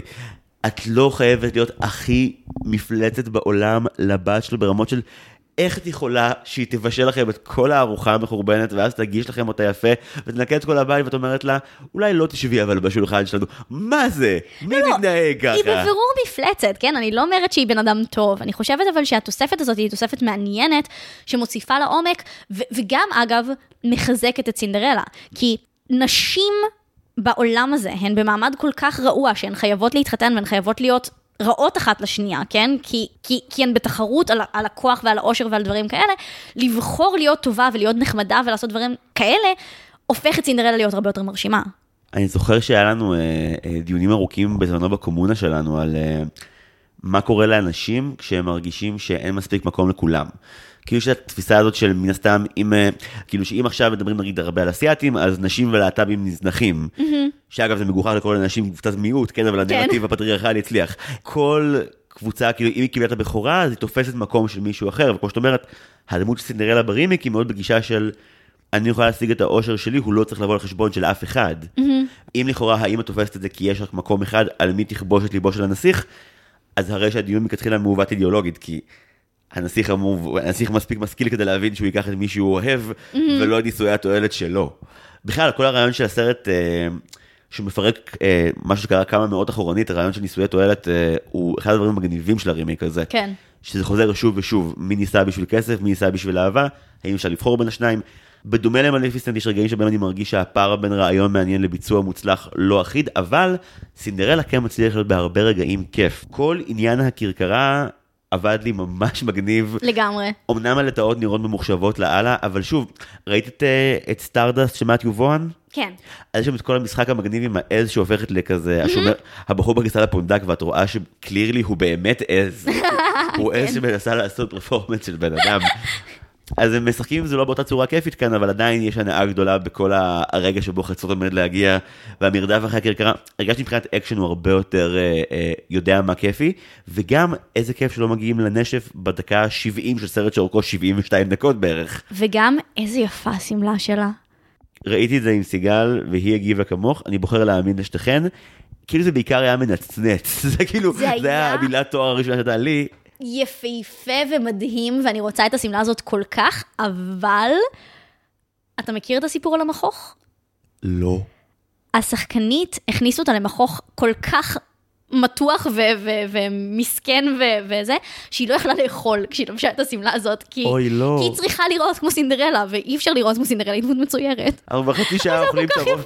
אנחנו בחצי שעה אוכלים את הראש פה כזה על דעות נכונות וזה, ותקעו לה מכוך כל כך עמוק שהיא לא יכלה לאכול. אבל, אבל זה היה שוויוני, כי לנסיך היו אה, מכנסיים לבנים מאוד מאוד מאוד צמודים, אה, והוא היה צריך לשים סוג של מכוך על אזור החלציים שלו, כדי שזה לא יהיה בולט מדי. אוי, זה מצחיק. הוא גם סבל נורא. הנסיך זה רוב סטארק, נכון? כן, כן, ותחפשו סרטון שלו מדבר על המכנסיים הלבנים, זה נורא מצחיק. אני אחפש אחרי ההקלטה, נשמע ממש מצחיק. כאילו כל הסרט, הוא הופיע ואמרתי, רוב סטארק, ואז עברה שעה וחצי ועדיין לא הייתי בטוח למה, ורק אחרי שזה נגמר, נפל לי האסימון למה לא הבנתי שזה הוא. נראה לי שבכל השלוש עונות שבהם הוא הופיע במשחקי הכס, רוב סטארק אף פעם לא חייך. אז, אז כאילו, והוא, הנסיך מחייך פה רוב הסרט. זה הבעיה שלא לא הכרתי עליו. אה, מדהים, עוד נקודות לגבי סינדרלה, אתם שוברים הלאה? אה, אני חושבת שלא. זה היה כיף. אני מסכימה. אוקיי, מגיעים לסרט השלישי, אנחנו בספר הג'ונגל, מ-2016. כן. אוקיי, השאלה הקבועה, חוויה צפייה ראשונית? וואו. עפת עליו. עפתי עליו, עפתי עליו במיוחד כי לא ציפיתי לזה. זאת אומרת, בשלב הזה כבר ראיתי רימייקים של דיסני, כבר ידעתי למה אני מצפה, וידעתי שאני מצפה למשהו שהולך להיות מיקסט באג, כאילו ש- שיהיו לו חלקים שאני אוהב אותו וחלקים שאני לא אוהב אותו, ופה אני חושבת שהם הצליחו, בעיניי בצורה הכי טובה מבין כל הרימייקים, להיות על הקו הזה שבין חידוש כשצריך, לנוסטלגיה כשצריך, בצורה הכי טובה. אני נוטה להסכים מבין כל מה שראיתי. מבין הסרטים שראיתי שניסו לקחת סיפור קיים ולספר אותו עוד פעם, כאן הייתה התחושה הכי הכי חזקה שמנסים ללכת על זה כל ה- all the way. אנחנו רוצים לספר את הסיפור ולספר סיפור בצורה שהיא חווייתית, שהיא מצחיקה, שהיא מעניינת, שהיא אחרת. שיחוק ראשון מרכזי שלהם, אחלה ליהוק למוגלי. מדהים, הילד הזה תותח. הוא כריזמטי מאוד, יש לו נקודת חולשה אחת, והיא מופיעה לזמן מאוד קצר בסרט. אני לא חושב שהוא היה צריך לשיר במה שנחוץ לדוב. הוא, הוא במו... כאילו ביל מרי עושה מה שהוא עושה, אבל הילד הזה פשוט מחרב כל שורה ושורה בשיר הזה, אבל זה הפשע היחיד שלו בעיניי. אני מסכימה. אני יכול להגיד שראיתי אותו בבוקר, פעם ראשונה, כי הייתה שביתה בעבודה שלי, אז במקום לראות אותו על מסך מטונף של לפטופ לפני שאני מגיע לפגוש אותך, ישבתי בבית שלי וראיתי אותו בשקט. אני צריך לומר שראיתי בסדר הפוך מבחינה כרונולוגית את מלך האריות ואת ספר הג'ונגל. Mm-hmm. אז אני ראיתי עבודה אחרת של ג'ון פאברו, שדעותיי עליה היו, נגיע לזה, ואז ראיתי את הסרט הזה. והוא, זה מדהים איך הוא עושה את כל מה שמלך האריות נופל בו בצורה שממש עובדת. Mm-hmm. קודם כל, רוב הזמן ה-CGI בסדר גמור. מצוין. במרחק של שש שנים הוא בסדר גמור. אוקיי, okay, אני, אני זוכרת את זה בתור אה, אה, מאוד מאוד מרשים כשזה יצא בקולנוע. אה, ראיתי את זה שוב, אבל ראיתי את זה על מסך מחשב, אז כאילו זה, זה מצמצם את ה... על מסך גדול את מרגישה שזה מצויר לפעמים, אבל הבאות של בעלי החיים עובדות. בלו ממש היה שחזור לא רע של המקור, וההתאמות האישיותיות היו מגניבות. כן. בלו בסרט הזה הוא יותר נכלולים במקור, וזה הולך נורא טוב עם הטון הכללי. כאילו יש לך את בגירה שהוא נורא כזה מוסר, והקילה שהוא מוסר, ושירחן שהוא מוסר נגדי ורשע. ופתאום מגיע בלו והוא פשוט, אחי בוא נזרוק זין ונאכל דבש, בוא נעשה כן. את זה. זה היה נפלא. מבחינת כל המעברים הטונאליים, לכל מערכה בסרט הזה יש טון טיפה אחר. יש חלקים מבחינה חזותית פוצצו לי את המוח, הסצנה של החשה, וואו. Oh my God, אנחנו פשוט נכנסים ל fucking עין שלה ורואים את כל ה backstory של מוגלי, זה העיף לי את הראש, זה היה עשוי מעולה, זה לא התיישם בכלל מבחינת mm-hmm. אנימציה, וגם זה החזיר אותי לאחד הרגעים הקולנועים האהובים עליי בעשור הקודם. אני, מה... אני מאלה שהריצו את הסצנה של אה, אוצרות המוות בהארי פוטר 7א. Mm-hmm. כשאנחנו יוצאים שנייה מהחלון של הלאבגודים ואנחנו רואים את כל הסיפור באנימציה על האגם, כן. מה שקורה בעין של כהן נחשה ממש החזיר אותי לשם. לגמרי. כמעט כל ההופעות המשחקיות בסרט הזה נעות בין סבבה למעולות. מי הפיבוריטים שלך? אני חושבת שמוגלי הוא פשוט גיבור באמת ברמה מדהימה. אני לא יודעת אם אתם אה, אה, מודעים, אה, אם יצא לך לראות את המאחורי הקלעים של הדבר הזה. בכלל לא. זה טירוף. הוא לבד באולפן, אוקיי? כל היער המדהים הזה ששופע ויש בו מלא מלא תאורות מדהימות כאלה של מבעד לעלים ודברים כאלה, לא קיים. הכל אולפן, 100% אולפן, אמ, והוא משחק מול חיות שלא קיימות, אין שם אף אחד. הבן, הילד גאון, באמת, משהו מרשים בטירוף. אמ, מדי פעם מביאים לו כזה בובה של דוב להסתכל עליה, אבל באמת, כאילו, הוא משחק עם עצמו, זה מדהים, מדהים, מדהים, מדהים. אה, אני מאוד מאוד מאוד אוהבת את מה שקרה עם בלו, אני מסכימה איתך שזה היה שינוי מגניב נורא. נראה לי שהם הם בטופ שלי שם. הסיבה גם שאנחנו מתלהבים ממוגלי ובלו דווקא כי הם מביאים הופעה קצת אחרת ממה שיש במקור. בלו במקור הוא דמות שהיא הרבה יותר חמודה נכון. בחוויה שלך, את כאילו את רוצה לחבק אותו. וחוץ מהרגעים שבהם הוא תוקף את שירחן, אבל שאר הזמן את רוצה לחבק אותו. ו... ומוגלי הוא ילד הרבה יותר סאחי. כאן הוא כאילו ממש בובה, כאילו בובה בנאי קטן. לגמרי. וזה, וזה נגיד טוויסט שעבד לי מאוד יפה. זה שיש לו תוכנית מפורטת על איך להרוג את שירחן והיא עובדת, כן. אני יכול להגיד לך מה זה הזכיר לי, Mm-hmm. וזו השוואה מחמיאה לאללה לסרט הזה מבחינתי. את לא מחובבי סמוך על סול. ראיתי הרבה, אבל לא הכל. אוקיי, אז ראית מספיק כדי לדעת שאחת האובססיות של הסדרה הזאת זה להראות לך סצנות מאוד ארוכות, בלי מילים, שבהן דמות מבצעת שורת פעולות שאת לא יודעת למה הן מובילות, וזו תוכנית שתתגלה לך במקרה הטוב בסוף הסצנה בעוד שבע דקות, במקרה הרע בעוד עונה שלמה.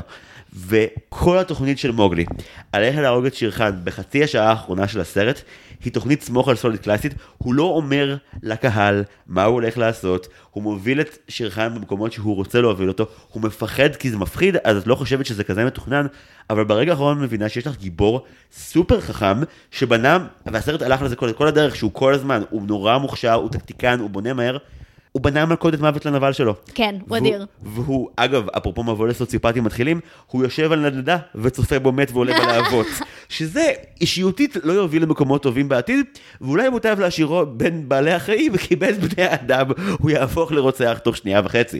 אבל אה, אגב, אנחנו לא יודעים, אפרופו נקודת מבט של גיבור, אנחנו לא יודעים בוודאות באיזה שפה מוגלי מדבר. נכון, וזה דווקא משהו שמוזר בעיניי בסרט הזה, ובעיניי פחות עובד. אמ, אני רוצה רגע להתייחס, זה פשוט קשור לסוגיית הריאליזם שהזכרנו מקודם. הסרט הזה הולך על פוטו-ריאליזם בטירוף. זאת אומרת, זה נראה כאילו אתה אה, בג'ונגל, והחיות נראות כמו חיות. עד כדי אה, אה, הבעות פנים ומדי פעם שהן שרות, אה, אבל זה מייצר דבר נורא מוזר, שבו יש היררכיה בין החיות השונות, יש חיות שהן חיות שמתקשרות עם מוגלי באופן אה, יחסית קבוע, והן מדברות לגמרי, כמו בני אדם רגילים. לעומת זאת יש חיות טיפשות יותר, שמדברות עם מוגלי פחות, שכל משפט שהם אומרים הם חוזרים אחריו שבע פעמים. זה כזה גשם, גשם, גשם, גשם, גשם, וכאילו כזה, בעיקר חיות קטנות יותר ש- שמדברות ככה, ויש חיות שלא מדברות בכלל כמו הקופים. מה? אני חושב שזה יותר אה, למי יש קול. היצורים הקטנים, אין להם מספיק תודעה של מי יהרוג אותם, אז הם מרשים לעצמם להתבטא. הקופים של תחת לואי לא מדברים כי רק לואי מדבר. זה שהם כאילו, נכון שברגע שנגיד מוגלי בא לברוח, אז הם לא צועקים, הוא בורח, הם עושים רע, וכאילו זה כזה, אוקיי, אין, אין להם משהו יותר מעניין בלקסיקון, אבל uh, זה הרגיש לי גם עניין של מעמדות. וזה מתקשר לבני האדם, כי בספר הג'ונגל, כשמוגלי מתקרב לראות את בני האדם, הם נוהמים, הם לא מדברים. Mm-hmm. וזה נראה לי הרמז היחידי או המרכזי שאני זיהיתי כצופה על הספה שלו ב-11 בבוקר, ש... מוגלי לא דיבר באמת אנגלית וגם החיות לא. הם מבינות אחת את השנייה במחוות ובאקטים, אבל אנחנו מקבלים את איך הוא מבין את זה, לא איך הם בפועל מדברים. זה לא סביר שכל חיות היער ידברו אנגלית אם אנחנו בפוטו-ריאליזם, ובניגוד למלך האריות ששם זה מקושקש לחלוטין, אה, כאן דווקא ירגיש לי שיש סיבה לזה שבעולם הפנימי של הילד כולם מדברים איזושהי שפה ומישהו לא מבין או מישהו לא חבר או אויב מובהק, יהיה לו פחות ברור. אולי זו תיאוריה עם חורים. לא, אבל... אני אקח את התיאוריה הזאת, היא ממש משמחת אותי, כי פתרת לי בעיה בסרט שאני מחבבת. אם בני האדם האחרים בסרט שורת היו מוציאים מילים מהפה, זה היה שובר, שובר את זה לגמרי, אבל הוא לא מבין מה הם אומרים. Mm-hmm. והם גם מפחידים אותו הרבה יותר מבעלי החיים. אם כאילו שירחן אה, מזוהה עם הצללית המפחידה והנוכחות הכבדה, בני האדם מזוהים עם גלונים של אש. Mm-hmm. מוגלי לא רואה אותם ורואה אותם... אה, עם כזה פנסים, הוא רואה אותם סביב מעגלי שיח שהם כולם סביב אש, וזה מפחיד אותו ממש. הוא לא רואה עצמו חלק מהם, וזה מוביל שוב לשיחה, הפינה הקבועה של הפרק הזה, למה הסוף בעייתי הפעם בעינייך דנה? כי לא, כי יש כאן בעיה. אני לא יודע אם היא בעיה טובה או רעה. הסרט הזה בעצם מציג מוטיבציה אחרת לשיר חאן לרדוף את מוגלי. זה לא רק כי הוא בן אדם ובני אדם הם רעים באופן כללי, אלא בצורה הרבה יותר ברורה, כי בני אדם הם מסוכנים, ובני אדם תקפו את שיר חאן באמצעות אש, לבני אדם יש אש ואש זה רע, אוקיי? יש להם חוכמה מסוכנת. אנחנו רואים את זה גם עם מוגלי אה, כל הסרט, שהוא בעצם, הוא מייצר כל מיני אה, טריקים כאלה ותכסיסים וכל מיני דברים כאלה שהם כל מיני מנגנונים וגלגלי אה, כזה, למשוך דברים עם גלגלת וכל מיני דברים כאלה. אה, ובאמת, השיא של הדבר הזה זה האש. וכדי לנצח את שירחן, מוגלי באמת רץ לכפר של בני אדם, לוקח את האש ומשתמש בה בתור כלי כמו בן אדם, ובדרך שורף חצי מה... מהג'ונגל, חצי מהיער. והדבר הזה מוצג בעיניי בצורה נורא נורא יפה כמזעזע. זאת אומרת, הסרט הזה לא אוהב בני אדם. הסרט הזה חושב שבני אדם הם יכולים להיות טובים, הם יכולים להשתמש בזה לצורה טובה, למשל לקחת דבש, אבל הם יכולים להיות גם מאוד מאוד מסוכנים. זה סרט climate change, סבבה? אמ, ואנחנו הולכים להשמיד את הכל אם אנחנו uh, uh, uh, will go wild. ואז זה שהסוף הטוב של הסרט פשוט מתעלם מזה שחצי מהיער נשרף הרגע, ואומר, בסדר, הפילים הסיטו את הנהר ועכשיו שטפנו את זה והכל בסדר. לא הכל בסדר, חצי מהיער שרוף. למה אנחנו פשוט סולחים לו? זה מסוג הדברים שאני דווקא אוהב אה, בסרטים העשורים האחרונים, שהם כאילו יותר ויותר הולכים לרעיון של הנבל הוא לרוב אגואיסט, וזה שיש לו אידיאולוגיה מפוצצת לא אומר שהיא נכונה. כאילו, מאחורי כל המילים הגדולות של שירחן, יש עניין מאוד פשוט. פעם היה בן אדם אחד שלא, שכאילו, באתי להרוג והוא הצליח אה, לחולל בי שמות לפני שהרגתי אותו. אני לא מוכן ששוב יהיה בן אדם כזה ברדיוס שלי, כי אני המלך פה. ומהרגע שהוא נקרא, הוא נהיה אובססיבי לעניין האש, כי זה הנשק האחד שהצליח להיות אה, רטע אמיתי עבורו, הוא אובססיבי על מוגלי, גם כי הוא נראה טעים, אבל בעיקר כי, שוב, מוגלי מחזיר אותו למקום של יש משהו שלא הצלחתי לעשות, והוא פוגע ביכולת של להיות האלפא האולטימטיבי.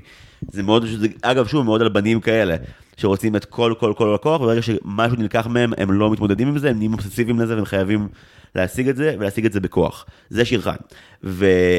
מוגלי השיג את מה שהוא השיג דרך עבודת צוות. זה שאגב הוא עושה טעות טראגית ואז הסרט אומר שהוא לא, שהיא לא טעות בכלל, במהלך הסוף של הסרט, למי שלא ראה או לא זוכר, בעצם שיחה מנסה לעשות, אה, מה שסקאר מנסה לעשות לסימבה.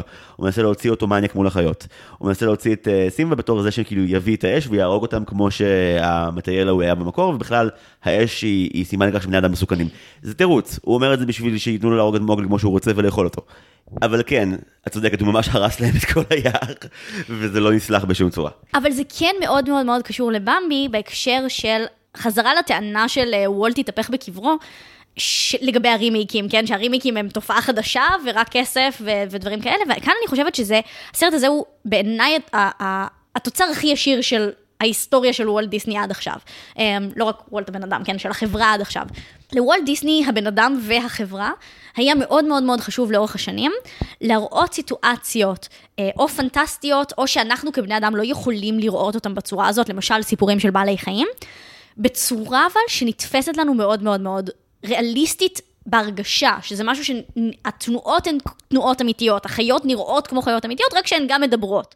אמ, בהקשר הזה באמת מאוד נוהגים לדבר על, על במבי, אמ, שהוא התחיל מלהביא את החיות לאולפן, כדי שהאנימטורים יוכלו ללמוד את התנועה של החיות.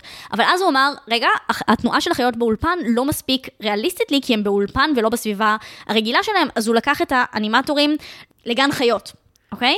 ואז הוא אמר, לא, גן חיות זה עדיין לא סביבה טבעית, אז הוא שלח מצלמה ליער כדי שהם יוכלו לראות את החיות באמת בסביבה הטבעית שלהם. ואני חושבת שבהקשר הזה, ספר הג'ונגל, הוא בעצם אומר, יש לנו טכנולוגיה חדשה, זוכר את המולטיפליין קאמרה שהתחלנו איתה מקודם? יש טכנולוגיה חדשה, יש דרך חדשה לעשות משהו שהוא מאוד מאוד מאוד מציאותי ומאוד מאוד נוגע בלב שלנו וברגשות שלנו בצורה הזאת. אז בוא נשתמש בזה, בוא נשתמש בטכנולוגיה החדשה הזאת כדי לספר את הסיפור מחדש.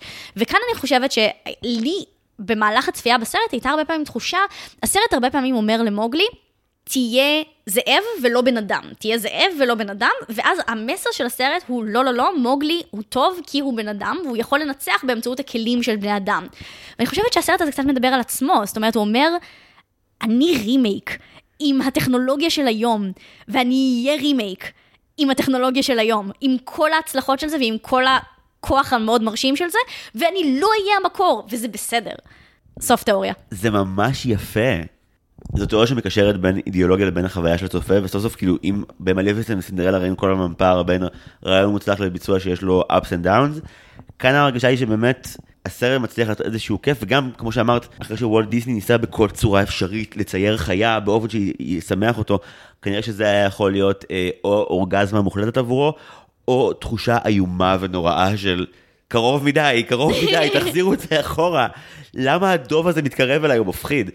כאילו, אני זוכר שכשהיינו חברים שראו את, את הרימיק כשהוא יצא, אז הם תיארו את זה קצת כמו שתיארו את, אה, את הסרט הראשון אי פעם, את רכבת נכנסת לתחנה, mm-hmm. שכאילו הופיעו חיות עצומות על המסך, ובניגוד נגיד ל-CGI המבאס שכזה דינוזאור 20 שנה אחורה, כאן זה עובד. אה, ורוב הזמן זה לא מגוחך, וזה בלתי מובן בעיניי איך ג'ון פברו שעשה עבודה כל כך טובה פה, הצליח לחרבן את מלך האריות שלוש שנים אחר כך באופן כל כך יסודי. אתה רוצה שנדבר עכשיו על מלך האריות? נקדים אותו? לא, לא, לא, נשמור את הכואב והרע לסוף, יש לנו עוד היפה והחיה בדרך לעבור. בסדר. אה, אוקיי, אנחנו מגיעים לסרט שהוא הכישלון הפרטי שלי, ליפה והחיה מ-2017. אתה רוצה לספר לי עד לאן הגעת? כן. אני יכול להגיד לך בדיוק ברגע שבו אמרתי, די עם הזין הזה יותר, נמאס לי. ואני יכול להגיד לך בדיוק באיזה שורה זה היה. כן. בעין חזק כמו גסטון. לא! אני אסביר, אני אסביר. זה לא היה, אני לא יכול לעשות את הרימיק הזה יותר. למעשה, הוא היה מהרימיקים היותר משובבי נפש שראיתי עד כה בסריה הזאת. ציפיתי למשהו הרבה פחות טוב. פשוט הבנתי שראיתי ארבעה רימיקים עכשיו ביום וחצי. ואני, ואני הולך לא לאהוב את הסרט הזה, ואני לא בטוח שזה מגיע לו. כי מה שראיתי ב-40 דקות שחוויתי היה... זה לא היה מעולמות האלאדין והסינדרלה. כלומר, לא הרגשתי שמשהו בסיפור הוא מאוד סינתטי, להפך, דווקא משהו בבל שלהם היה די אמין, וביחס ל... אמה ווטסון היא כמו כוסברה. אנשים, אנשים או מתים עליה או מתאהבים אותה. זה, זה היקום. אני מוקף מחברים בשני הצדדים. ולא ידעתי מה לצפות, ואני דווקא ניטרלי לגביה. והיא עשתה עבודה מאוד נעימה ממה שראיתי עד כה. אז היא לא כוסברה? לא. איך אתה ניטרלי לגביה? אני ניטרלי לגביה כי אני חושב שהיא עשתה עבודה מאוד טובה כרמיוני גריינג'ר, ואז עבודה מאוד לא טובה בכל דבר אחר שראיתי אותה. ועל כן כרגע היא בתיקו עם עצמה. אוקיי. אני צריך לדעת מה יהיה שובר שוויון, ייתכן שזה זה מבחינתי. זה לא הרגיש לי כמו, אנחנו עושים את זה עוד פעם אותו דבר בדיוק, לצורך העניין, בוא נגיד את זה מפורשות, לפו יכול להיות גיי, בוא נעשה שהוא יהיה הכי גיי שיכול להיות. אתה מכיר אבל את הסיפור מאחורי הקלעים של זה. לא. אז מה שקרה, זה שדיסני הודיעו לפני היציאה של הסרט, שיהיה בו exclusively gay moment. ממש יוציאו אותו בצורה רשמית מהארון, וממש חגגו על זה, ואנשים נורא נורא שמחו, ואמרו איזה יופי, וסוף סוף והגיע הזמן. ולא, כאילו, ה exclusively gay moment, אני עושה לך ספוילר לשנייה אחת מהסרט, קורה ממש ממש ממש בסוף של הסרט, כשיש נשף כזה של חגיגה של איזה יופי, חתונה, שמחים, אה, בלה בלה בלה בלה בלה, ולפו רוקד עם גבר. זהו. זה שנייה וחצי, זה and you miss it, כאילו, רגע, רגע, אוקיי, אני, אני אולי שנייה אצג בו את הפן הכי לא נכון של האנושות, אבל היו כמה וכמה אקסקלוסיב גיי מומנטס מבחינתי ללפו בסרט הזה. אז אני מסכימה, הרגע שבו אה, גסטון מול המראה, והוא עושה סיורי כן. ואז לפו בא ואומר, איך זה הולך? Yes, you too או משהו כזה? כאילו, כן, משהו כזה. שמאוד ברור שהוא מתכוון לזה שכאילו, לא יודע, אני הרגשתי שזה מאוד ברור הפעם, שזה לא כזה, אבל זאת אומרת, עד שהוא לא מצרפל גבר און סקרין, אין דיבור. אני חושבת שהבעיה היא שמכרו את זה כהפעם הראשונה שדיסני בסרט בסדר גודל כזה יראו דמות גאה באופן מוצהר, וזה לא מופיע בסרט באופן מוצהר. זאת אומרת, אין שם שום שלב שבו הוא אומר את זה בצורה מפורשת, ולראיה, כן? במדינות שבהן אסור להקרין לילדים דברים עם אה, חומר להט"בי אה, אה, מובהק, רוסיה, סין, אה, דברים כאלה, הבעיה היחידה הייתה עם הריקוד בסוף. Mm, אז כאילו, כל עוד אין אקט פיזי, אבל זה... או אה, הצהרה, או אמירה, או משהו שלא מת... שאי אפשר להצדיק אותו ב... הוא פשוט מעריץ אותו, מה יש לכם? אתם רגילים לעשות קריאות, הטענה היא שעבור מי שרגיל לעשות קריאות קוויריות, זה מאוד מאוד מאוד ברור, אבל עבור כל מי שלא, זה לא, ולכן זה לא ייצוג, זה queer baiting. אוף, אבל... את רומזת ש... לי זה נראה כאילו שזה לגמרי ברור שהוא הומו, כי אני כבר 50 פרקים מחפש הומואים בסרטים של דיסני. כן. מה? הוא ממש רוצה אותו. אני, אני, לא, אני לא אקח לך את זה, כן? השחקן משרבב את לשונו בכל שוט ושוט. הוא רוצה אותו בצורות קצת כאילו גרפיות. טוב, בסדר. אני, אבל- אני מסכימה, אני רק אומרת שזה זה מורכב יותר מזה. לא, אני מסכים שעצם זה שאין הצהרה מובהקת. נו, זה כמו שהתלהבו מה, מהשנייה ורבע בפרוזן, שבו רואים שלא איש משפחה והבעל שלו הוא בעל. כן. זה כאילו, זה לא מספיק. נכון? אה, אוקיי, אבל בתור מי שראתה את כל הסרט, כל הבמה שלך, אה, בוא נתחיל ממה חשבת עליו שראית אותו פעם ראשונה. אז טוב, אנחנו נתחיל מזה שאני אני באופן כללי נהנית מסרטים. בדרך כלל, התגובה הראשונית שלי מסרט זה כיף. אגב, גם דיברנו על זה, בתחיל, לפני הפודקאסט דיברנו על אה, דוקטור סטרנג' החדש, וגם אז אמרתי לך בדיוק אותו דבר. התחלתי מליהנות, וככל שחשבתי על זה יותר מצאתי יותר בעיות. אה, אז זה באופן טבעי המצב שלי, אני תמיד נהנית. אבל את כה שימי לב שזו הפעם הראשונה עכשיו, כאילו, רק בספר הג'ונגל, כשאלתי אותך איך זה היה, אמרת, זה היה וואו. כלומר, כן יש לך איזשהו מדד בצפייה הראשונה, למ- למה, למה היה נחמד ברגע זה, ונגלה אחר כך מה מה- דעתנו, לבין מה היה ברור שהוא מצוין. נכון, אז אני חושבת שגם ב- ביפה והחיה, ההרגשה הראשונית שלי הייתה מאוד מאוד מאוד כיפית. אה, ש- שוות ערך לספר הג'ונגל. זה גם, טוב, הוא גם הלך עוד יותר על, ה- על המוזיקה והשירים המקוריים ודברים כאלה בצורה הרבה יותר דומה למקור. אני, כשמתחילה המנגינה של הטו טו טו טו טו טו טו, אין, כאילו צמרמורות, אני, אני, אני בהתרגשות רק מ... להתחיל את הדבר הזה. Um, אז, אז נורא קשה לי לא נורא ליהנות מסרט כזה. Um, זה כן הסרט שכתבתי עליו הכי הרבה והתעסקתי איתו הכי הרבה, כי אני חושבת שהוא אחד המעניינים באיזון הזה בין לחדש ולהיות סופר רפלקסיבי ולדבר על החידוש. זוכר את השיר שדיברנו עליו מקודם? אולי לא דיברנו עליו, כן דיברנו עליו, אני לא זוכרת. רציתי לדבר עליו. יש שיר חדש של אבא של בל. Um, שהוא שר בהתחלה. שהוא שר בהתחלה, והמילים שלו זה How does a moment last forever? How can a story never die? ואני כזה, תודה דיסני. אתם, אתם מכירים בזה שזאת השאלה שמעסיקה אתכם כבר כמה שנים טובות, אמ, ואתם שואלים את עצמכם איך אנחנו נעשה שהסיפורים שלנו לא ימותו. רימייקים. אמ, ואני נורא נהניתי מזה, ואז בהמשך, אני לא חושבת שהגעת לשם, אבל בהמשך מגלים שהמכשפת, בנוסף לוורד הקסום, היא הביאה לחיה גם ספר אמ, שהוא מגדיר אותו כספר that truly allows you to escape, ספר שמאפשר לך ממש אה, לברוח, אמ, וכשאתה מדפדף בספר הזה וחושב על איזשהו מקום, אז הוא מביא אותך למקום הזה. זה כאילו היה מה, פרס תנחומים של העבור החיה? אז הוא, הוא טוען שבדיעבד הוא הבין שזה עוד חלק מהקללה, כי הוא אומר, אין מקום לחיה במקומות שמחים, אז אני לא באמת יכול לצאת. זה אה, מין אוקיי. teasing כזה. את מרוצה אמ, ממה שעשו איתו? לא. יופי. רק מוודא. אבל, אה, אבל לגבי הספר, אז, אז אני חושבת שזה עוד דוגמה לסרט ששואל את עצמו, איך אני מתפקד כסיפור, וסיפור ש-truly allows you to escape, חלק מהמטרה שלהם. לא, זה מגניב ממש. אני כן אגיד שלא אהבתי את מה ש... כאילו, סבבה שאתם מסבירים לנו יותר את הדמות של הנסיך ואת הסיטואציה שבה הקללה קרתה, וזה כבר פחות, אה, אם כי תשווי את זה לפתיחה המהממת של המקורי. כל כך יפה. כאילו, כל עניין הפסיפס, יפה בטירוף. בכל מקרה, פספסנו את זה, קיבלנו במקום סצנה מאוד דרמטית עם נסיך שהוא באמת אה, בלתי ניתן לאהבה בשלב הזה של הסרט. כאילו, הטענה היא שאין בו אהבה, אבל הוא מעוצב גם, האיפור הזה שנועד להרחיק אותך אפילו כן. יותר ממנו ולגרום לך לשנוא אותו. למה המכשפה, היה משהו מאוד מליפיסנטי באופן שהיא כן. פרצה פנימה? הרגשת כן. את זה? יש, יש המון הדהודים מוזרים בין הרימיקים. נגיד, בחלק האחרון של מליפיסנט, חוזרים שנייה אחורה, המלך אה, דופק את הגסטון. נכון. וגם סקאר במלך האריות עושה את אותו שטיק בדיוק. הם כולם כל הזמן, כדי להבהיר לך שהם הרוע המוחלט והם לא רוע מורכב, הם מקבלים הזדמנות לגאולה ודופקים אותה. זה נכון. קטע חוזר. אז, אה, ודווקא ביפה וחיה זה... הוא, הוא, הוא, המקור שלו הוא זה שהתחיל את הטרנד הזה של אה, לסובב את הגב לאויב שלך, לתת לו לברוח ולגלות שזה היה טעות. כן. אבל אז הוא, הוא, הוא נופל וזה בסדר. כן. אוקיי, עוד דבר שגרם לי ללחוץ על כפתור הפאוז, היה אה, לומייר ושעוני. או לא. לא הדיבוב, הדיבוב היה סבבה. לא הצלחתי להכיל את זה. כן. גברת טיון, בעיניי, הכי... אוי ואבוי. כאילו, זה המקום האחד שבו, אה, שאפילו הופיעו בדומים, אני לא צריך את החרא הזה. כאילו, זה מוזר מדי. אני חושב שאם לא היית רואה את היפה והחיה מצויר לפני שנה או חצי שנה, זה היה יותר קל אולי. כן. וזה גם מה שהולך להתחרבן ספוילר במלך האריות. הבעות הפנים המקוריות. כן. זה הדבר העיקרי שבו, כשמספרים סיפור עוד פעם, או שתרחיקו אותם עשרה מטרים מאיך שהם נראו במקור, ואז זה יהיה בסדר, אבל אי אפשר שחלק יהיה בול וחלק יהיה לא.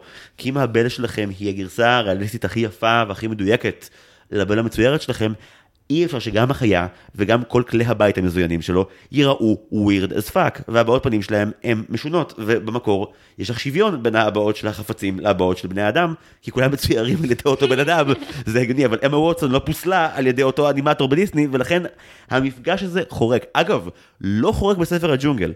נכון. המוגלי שלהם משתלב בפלטה מאוד יפה. נכון. בעיה מאוד מאוד דומה קורית גם עם החיה, ששאלת אותי מה חשבת עליו, והתשובה שלי היא לא. אמ, יש לי שתי בעיות איתו, אבל אחת ו- וגדולה ומשמעותית, הוא באופן יותר ברור, גדול ומאיים ביחס אליה, גם בחלקים שבהם זה אמור להיות יפה ולא ככה. אני חושבת שאיכשהו באנימציה, יש להם יותר שליטה בדבר הזה, והם יכולים לייצר אה, אה, דינמיקה ביניהם שהיא, שהיא יותר עובדת ויותר קרובה. הדוגמה, בעיניי הכי עצובה לזה זה הסצנה של, של הנשף, של הריקוד הזה הנורא מרשים. ואתה רואה את אמה ווטסון המסכנה צריכה לרקוד עם משהו שנמצא במרחק נורא גדול ממנה, כי, כי צריך להכניס CGI באמצע. זה פשוט היה כל כך עצוב. והסצנה הזאת, אפשר לדבר על השמלה, אה, אנחנו לא נעשה את זה, נשים את זה בצד לפודקאסט ביקורות האופנה של דנה. לא, אה, מה, אני חייב לשמוע את זה עכשיו. יש בה משהו, היא, היא נורא יפה בריק, אבל היא לא השמלה של בל. Um, והיא לא עושה את, את אותו אפקט, לא משנה, אבל היא, היא זזה נורא יפה בנשף, והיא uh, uh, uh, עובדת מאוד מתאים לדבר הזה, אבל משהו בריקוד תקוע, כי היא רוקדת עם CGI. um, אז, אז זה בעיה אחת בעיניי, והבעיה השנייה בעיניי קשורה ל- לדינמיקה שלהם, שגם קשורה לסוגיית הפמיניזם. Um, אמרת שאתה חושב שבלי היא, היא, היא דמות, הגרסה הזאת שלה היא, היא מוצלחת בעיניך, כי היא באמת, משהו שם, אולי תסביר אתה למה, למה אתה חושב שהיא מוצלחת. אני אשמח, בין המקורית, קיטרנו עליה מלא פעמים, היא הייתה נורא מתנשאת, היא חשבה שאם היא יודע מה מבינה בספרים, היא קוראת רק את ג'קי ואפונה פלא בלופ. אין לה זה. הם שינו את זה פה, היא קוראת ספרים מאוד כבדים, היא מאוד אהובה על הספרן באופן שהוא הרבה פחות אה, אה, מתחנחן, הם באמת חולקים איזושהי ברית, הם שני האנשים היחידים שקוראים ספרים פה. אפשר כמובן להגיד שיש פה איזושהי התנשאות של איזושהי אליטה, אבל אני חושב שברגע שהאליטה היא מיעוט כל כך קיצוני בתוך הכפר הזה, כאילו, באיזה טענה אפשר לבוא אליה? בל אה, המקורית היא הבחורה המעצבנת שלמדה איתך בקריית שמונה, ואז דיברה מכיתה ט' והלאה על זה שהיא הולכת ללמוד משחק בתל אביב, שהיא לא חלק מה, מהעליבות הזאת שלכם. אבל בל היא לא מתנשאת בגרסה הזאת, שוב, עד, עד לדקה 40 בה צפיתי, היא, היא הרבה יותר בודדה ואין לה עם מי לדבר, והיא לא מתנשאת על האזרחים האחרים, היא, היא חברה שלהם עד גבול מסוים, אבל מה שמעניין אותם, פשוט לא מעניין אותה, וגם הם לא כל כך רוצים לדעת הרבה עליה כי היא המוזרה של הכפר. שכמובן, פה אפשר לעצור ולהגיד, אין יקום שבו בחורה כל כך יפה תחשב למוזרה של איזשהו כפר כלשהו. כל הגברים בכפר הזה היו קוראים ספרים עד שמישהו היה מצליח לדבר איתה. זה מה שהיה קורה. ככה בנים עובדים. אני רוצה להאמין, כך סופר לי. זה לא סביר שכולם אומרים כזה, לא, לא, יום אחד תעריץ ציד ו- ושנאה בתור ערכים מובילים. גסטון אגב אה, הצחיק אותי ש... שהוא בז לנשים שכן רוצות אותו. לגמרי. כי זה כל כך מדויק לגבי איך אה, בנים תופסים אהבה, לפחות בגיל ההתבגרות, שאישה היא טריטוריה, היא יעד, אתה צריך לכבוש אותו. אין, אם אין משחק ואין אתגר, אז זה לא ראוי. וגסטון, למרות שהוא גבר מבוגר, הוא תופס את התפיסות הילדיות האלה mm-hmm. של מערכות יחסים כמשהו שהוא טריטוריאלי, והוא מלחמה, והוא לא... אין בו חיזור ואין בו עניין רגשי. ובל אומרת לו כל כך נחרץ, כאילו מהרגע שהוא הוא רודף אחרי הגינה והוא פשוט דורך על כל הכרובים, כאילו הפרצוף המזועזע שלה. וזה דרך נהדרת כי זאת לא התנשאות, הוא, הוא ממש מדגים כמה הוא רומס ודורסני בתפיסה שלו, והסרט אומר את זה חזותית, ושוב, בניגוד נגיד לסינדרלה שבו כל דבר נאמר שש פעמים כדי לוודא שהבנת, אז גם הקריינית וגם היא אומרות את זה. כאן דווקא הרבה דברים עוברים בפעולות של הדמויות ולא במראה שלהם, וזה כן מגניב. אה, גסטון הוא איש רע כי הוא לא באמת אוהב את בל והוא לא מבין שהוא רק רוצה לשכב איתה. זה כמו מה שקורה עם פרולו בגיבן. זה מישהו שמבלבל, וזה מאוד נפוץ לגבי בנים שעוד לא התבגרו מינית, אה, לבלבל בין אהבה ומשיכה באופן קונסטנטנטי. אני חוויתי את זה לבשרי בתור תיכוניסט, שהייתי בטוח שאני מאוהב במישהי, מאוד נמשכתי אליה, ולא הבנתי את ההבדל עד שהגיע החבר החשוב שאמר לי, אתה חושב עם הזין, ואז הייתי כזה, מה, זה דבר? והוא הסביר לי את כל התיאוריה. לא מלמדים את זה בנים בחינוך מיני בכיתה ו', לא אומרים לכם, שומעים, יש הבדל בין הורמונים לבין התרגשות, וגם אהבה נבנית על היכרות. תצטרכו לפגוש את הבן אדם ולהכיר אותו, כדי לדעת אם אתם אוהבים את המהות שלו. לא מסבירים לך את זה בכיתה ו', רק אומרים לך, אמ, תשימי קונדום, וזהו, זה הכל. אז גסטון ברמה הזאת הוא הילד הזה בכיתה ו' שלא סיים לעבור חינוך מיני, ולא מבין שהוא לא אוהב את בל, הוא ממש ממש רוצה להיות איתה, זה הכל. את רואה אותם מתחתנים, את רואה אותו שורד איתה בתוך בית יותר משבוע, כשהיא כל הזמן קוראת ספרים ומציעה לו לקרוא גם. לא, זה יהיה נורא ואיום. כאילו, והיא יודעת את זה והיא צודקת. הגירושים המהירים בהיסטוריה. וכאן אבל אני רוצה לחזור לחיה, כי אני חושבת שכל התיאור היפה שעשית עכשיו לבל, איכשהו החיה קיבל את הצד ההפוך של זה. החיה מתנשא ואליטיסט, וכל הדברים האלה שתיארת את בל המצוירת, עברו איכשהו לחיה. ואני חושבת שמערכת היחסים בינו לבין בל, בעיניי, היא החולשה הכי גדולה של הסרט הזה. אה, אני חושבת שהדמות של בל באמת, כל מה שתיארת, אני, אני, אני נוטה להסכים איתו, אני חושבת שהרבה מהשירים והרבה מהעיצוב והרבה מהדברים מאוד מאוד מוצלחים. בעיניי, מערכת היחסים הזוגית שבלב הסרט לא עובדת מספיק טוב, ואני אתן לך דוגמה. אחת הסצנות הכי יפות בעיניי בסרט המצויר, זה הסצנה של הספרייה. אמ, החיה מבין שהוא מחבב את בל בתור בן אדם, ושהוא מתעניין בה, ושהוא הוא, הוא מקשיב לה ומה שהיא אוהבת, והוא אומר, אני רוצה לשמח אותה, אני רוצה לעשות משהו שהיא תאהב.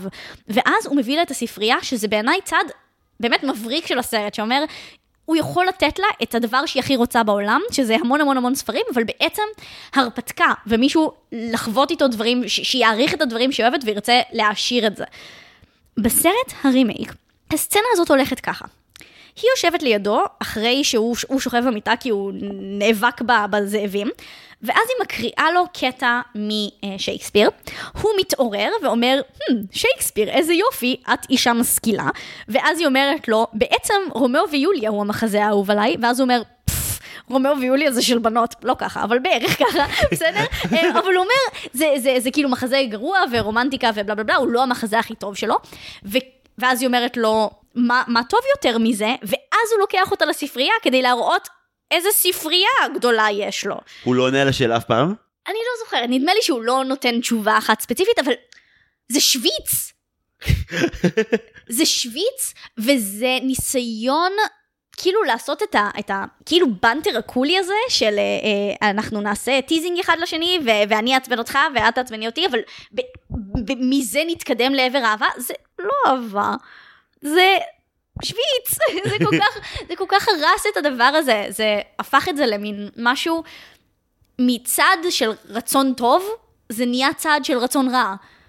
החיה באיזשהו שלב מצליח להביע בפנים שלו משהו מהרכות האדירה שהחיה המצוירת מעבירה בחצי השני של המקור? אני לא חושבת, לא בפנים. נוסף לו שיר לקראת הסוף של הסרט. איך הם דחפו פה שירים כמו חולה נפש, כן. זה לא נורמלי. אמ, אז נוסף לו שיר לקראת הסוף של הסרט שעליי הוא עובד, אבל אני לא יודעת אם הוא עובד כי הוא עובד עליי מוזיקלית ומוזיקה גורמת לי לבכות, או כי באמת גם המשחק שם עובד. הסרט לא רק נכשל, הוא כן, הוא לא עוצר בשלב של סצנות הספרייה, וכן יש סצנות של יותר התקרבות, וסצנות שבהן החיה מביע באמת את, את הרגש כלפיה. אני חושבת שבשלבים מתקדמים יותר בסרט, אז, אז באמת דברים שם קורים. למשל, הסצנה הזאת היא באמת עם הספר ה, שנותן לך לברוח, אז הוא מאפשר לה, הוא אומר לה, את רוצה ללכת אה, אה, לראות מקום ש, שלא ראית עד עכשיו, תחלמי על המקום שהכי רצית ללכת אליו, אה, והיא הולכת לבית הילדות שלה בפריז, איפה שהיא אה, גדלה, ושם עברה לה העיירה הקטנה. אגב, זה מסביר למה היא כל כך לא מסתדרת עם העיירה הקטנה, כי היא ילדת עיר. אה, אבל לא משנה, בקיצור, אז יש שם, יש שם חלקים שהם טובים ושהם עובדים ושהם לטובתו. בעיניי משמעותית פחות טוב מהסרט המצויר בהקשר הזה. כמי שהרשה לעצמו לדבר הרבה יותר מדי על הסרט שהוא ראה פחות מחצי ממנו, כשירד ה overdose של הרימייקים, לראות אותו שוב עד הסוף? כן. טוב, כי חוץ מהחיה, אה, את כל שאר הדברים שראיתי שם אהבתי. אנחנו כבר בתקופה בעצם, אנחנו בין לבין כל הסרטים האלה גם אלאדין מגיע. ודווקא מעניין לשים את אלאדין שנייה מול היפה והחיה בהקשר של שני סרטים שבמקור הם מוגדרים כסרטי נסיכות, ש... אחד מהם ברימיק שלו מסופר בצורה קולנועית מעניינת, והשני טס את חייו בטיסה מוחלטת, כשכל המסרים הפמיניסטיים שבו מגיעים מתוך דף מסרים ללא כל כוונה אמיתית. אלאדין היה סרט שהרגיש לי בצפייה הקולנועית שלי בו, כמו פאסט מושן אחד עצום, שבו כל מסר פמיניסטי נאמר כי חייבים, למרות שהם במדינה מוסלמית, והסיכוי שמשהו, משהו מהדברים האלה יתקבל, במקום שבו הפטריארכיה כל כך חזקה והדת מגבה את זה. זה היה מטורלל לחלוטין. איפה וחיה לפחות נושם בסצנות שלו. השיר שהוסיפו לדמות של אבא של בל, אהבתי אותו עוד בלי לחשוב על הקריאה המצוינת שלך. Mm-hmm. אני אעדיף כל סרט שמתעכב על הדברים היפים, מאשר רץ עליהם כדי לסמן עליהם וי תמיד. כן, אני רק רוצה לטובת אלאדין להגיד, אמ, שאני אני חושבת שלמי שאוהב דיסני ואוהב את, את המיוזיקליות של, של דיסני, ואוהב מיוזיקלים בצורה מהותית, אני חושבת שגם הוא יכול להיות כיף. אמ, ואני חושבת ש... אני לחלוטין מסכימה איתך על דף המסרים הפמיניסטי, ו- ואני חושבת שהוא הוא, הוא מיותר לחלוטין. השיר שהוסיפו ל- ליסמין, בתוך הסרט, איום ונורא. לא שייך בשום צורה, לא ברור מה הוא עושה שם, נורא ואיום. לשים אותו בפלייליסט אה, שלחלוטין קיים לי בספוטיפיי שקוראים לו musical and Disney girl power, כיף טהור. את מבינה שעכשיו תצטרכי לשתף בתגובות של הפרק את הלינק לפלייליסט הזה שלך. אני אשתף. יופי, אני אשמח להאזין. אה, לא, האמת שזה אחלה טענה, כשתשמעו את זה מחוץ לסרט ואז אולי זה יהיה שיר מוצלח ונעים. כן, הוא ממש, הוא ממש כיפי והוא... אני, אני אתן עוד דוגמה ל, ל, לעוד שיר כזה שנמצא, שנמצא בפלייליסט הזה. יש שם את The Climb מהסרט של הנה מונטנה. Um, פה אני כבר מחוץ לטריטוריה שלי. פייר. um, זה מין סרט כזה ש... מין הנה מונטנה הולכת לעיירה הקטנה שלה ומשהו כזה, לא משנה, והשיר שהיא כאילו כותבת לאורך כל הסרט, שלשם הסרט מכוון, הוא מין שיר הצלחה כזה, של הטיפוס, מה שחשוב זה הטיפוס ולא ה, ה, ה, כאילו הפסגה. והסרט הוא סרט של ערוץ דיסני, והוא לחלוטין בייחוד של סרט של ערוץ דיסני, אבל השיר מצוין. אז פעם הבאה שאת באה לפה אנחנו דנים בסרט של הנה מונטנה. אוקיי, זה, אוקיי, זה לא פרק שחשבתי שאי פעם נצטרך לעשות, אבל טוב, אם כבר נפלנו אז ניפול כמו שצריך. אוקיי, אז עשינו בריף על אלאדין, אה, הוא, לא, הוא לא ברשימה של הפרק, אבל יש לך עוד דברים שבא לך לזרוק לגביו לפני שנגיע לתחנה האחרונה שלנו? אני חושבת שחפרנו מספיק ואנחנו נעצור פה. יש לי כמובן שיש לי, אה, ואפשר לדבר על ג'יני ומה קורה שם עם השינויים מאנימציה וזה, אבל... אבל... נעבור. אין בעיה, אני רק אתחבר לטענה שלך ואגיד שמבחינה מוזיקלית, מבחינת נאמבר, אה, הפרינס עלי שלהם היה ממש סבבה. אני חושבת שהסיבה שבר נססיטיז, אה, והשיר של המלך לואי עובדים בספר הג'ונגל, זה כי הם אומרים, אנחנו נשאיר את השיר, אבל אנחנו קצת נוציא את ההקשר, ואנחנו נייצר סיטואציה שבה השיר הזה עובד. לעומת זאת, אלאדין אמר, אני חייב את הנאמברים בול כמו שהם היו במקור, אחרת יזרקו עליי עגבניות. שגם הסרט הבא, שעליו אנחנו הולכים לדון, נוקט באותה גישה ואף מחמירה יותר מזה. נכון. אוקיי, אנחנו מגיעים לתחנה האחרונה שבה אנחנו חופרים היום, שזה מלך האריות מ-2019. עצוב לי שאנחנו מסיימים איתו, אה, כי נראה לי ששנינו לא נורא נהנינו, נגדיר את זה ככה. יש עוד פינה ממש קטנה אחריו שאנחנו נעשה, כדי לתת עם טעם טיפה יותר טוב, אני חושש, אבל מה זה רציתי? יש סרטים בפודקאסט שאני שומע עליהם מלא חרא, ואני אומר, אני רוצה לבוא ולגלות שכולם טעו, ושאני מוצא בזה יופי גדול מאוד. וכאן, אה, כולכם צדקתם ואין לי מה לומר. זה, אוקיי, תעזרי לי פה, יש איזשהו סרט מצויר מהשנה האחרונה, אני לא זוכר אם של דיסני או של מישהו אחר שראיתי בחיי, שיש איזה קטע שבו איזו ילדה מסבירה בטירוף, שאם היא תעשה כך וכך וכך, היא אומרת השורה, I'll be an abomination. את זוכרת מאיפה זה? לא, אז אבל כן, אם- אתה צודק. אם מישהו מהמאזינים זוכר, אני אשמח ממש שתזכירו לי מאיפה זה, אבל השורה הזאת הידדה לי בראש כשראיתי את הסרט הזה.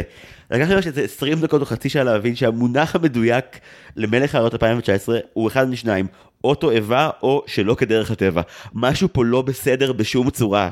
זו הרגשה נוראית, וזה מדהים כמה טעיתי בהתחלה.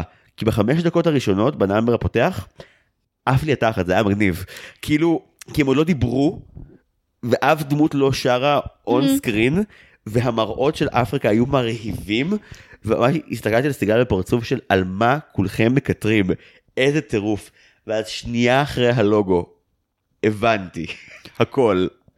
אוקיי, רגע, אבל הנה, השאלה החוזרת פה דווקא ממש רלוונטית. אהבת אותו בצפייה בקולנוע? לא אהבתי אותו, um, היו חלקים שמאוד נהניתי מהם, אבל הסרט הזה, להבדיל מהסרטים האחרים, היו לו חלקים שכבר בצפייה הראשונה אמרתי, הו לא לא לא לא לא לא לא לא לא מה שאתם עשיתם עכשיו, אני לא מרשה לכם לעשות את זה, מה יש לכם? אה, נחזור לקטסטרופה שהם עשו לשיר של סקאר, כאילו, למה? לסקאר מהשנייה הראשונה שהוא בסרט. אני ראיתי מלך האריות פעמיים בשביל הפודקאסט של הפרק השלושים שלנו, ועדיין הוא מספיק נצרב לי במוח, כדי שכשתגיע הסצנה הראשונה של סקאר ברימייק, היא תהיה אה, באמת צל מאוד מאוד מאוד דהוי של מה שזה היה במקור. במקור, האופן שבו הוא לוקח את החרק, באופן שבו הוא עושה את המונולוג שלו, זה כל כך עוצמתי. וכאן העיצוב של האריה, כאילו, יש סיבה שבמקור הוא היה מאוד מאוד כהה, לא כדי בהכרח לומר משהו נורא על שחורים, פשוט כדי להבדיל ביניהם למען השם. כן. את רואה עכשיו את סקאר ומופסה, או את סקאר ואת uh, סימבה נלחמים. יש רגעים שממש לא בטוחה מי מהם הוא מי. כן. וזה אותו הבמאי של ספר הג'ונגל שביים קרבות בצורה מאוד מרשימה.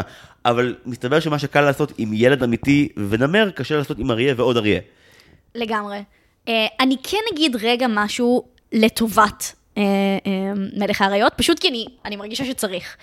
אני חושבת שהם הצליחו לייצר שם שימוש בטכנולוגיה, באנימציה הממוחשבת הזאת בצורה נורא נורא נורא מרשימה. בהקשר הזה, אה, אני לא זוכרת אם הזכרתם את זה בפרק על אה, מלך האריות שעשיתם, אה, אתה מכיר את זה שהאנימטורים של מלך האריות קראו לו ביני, בינם לבין עצמם במבלט, במבי והמלט?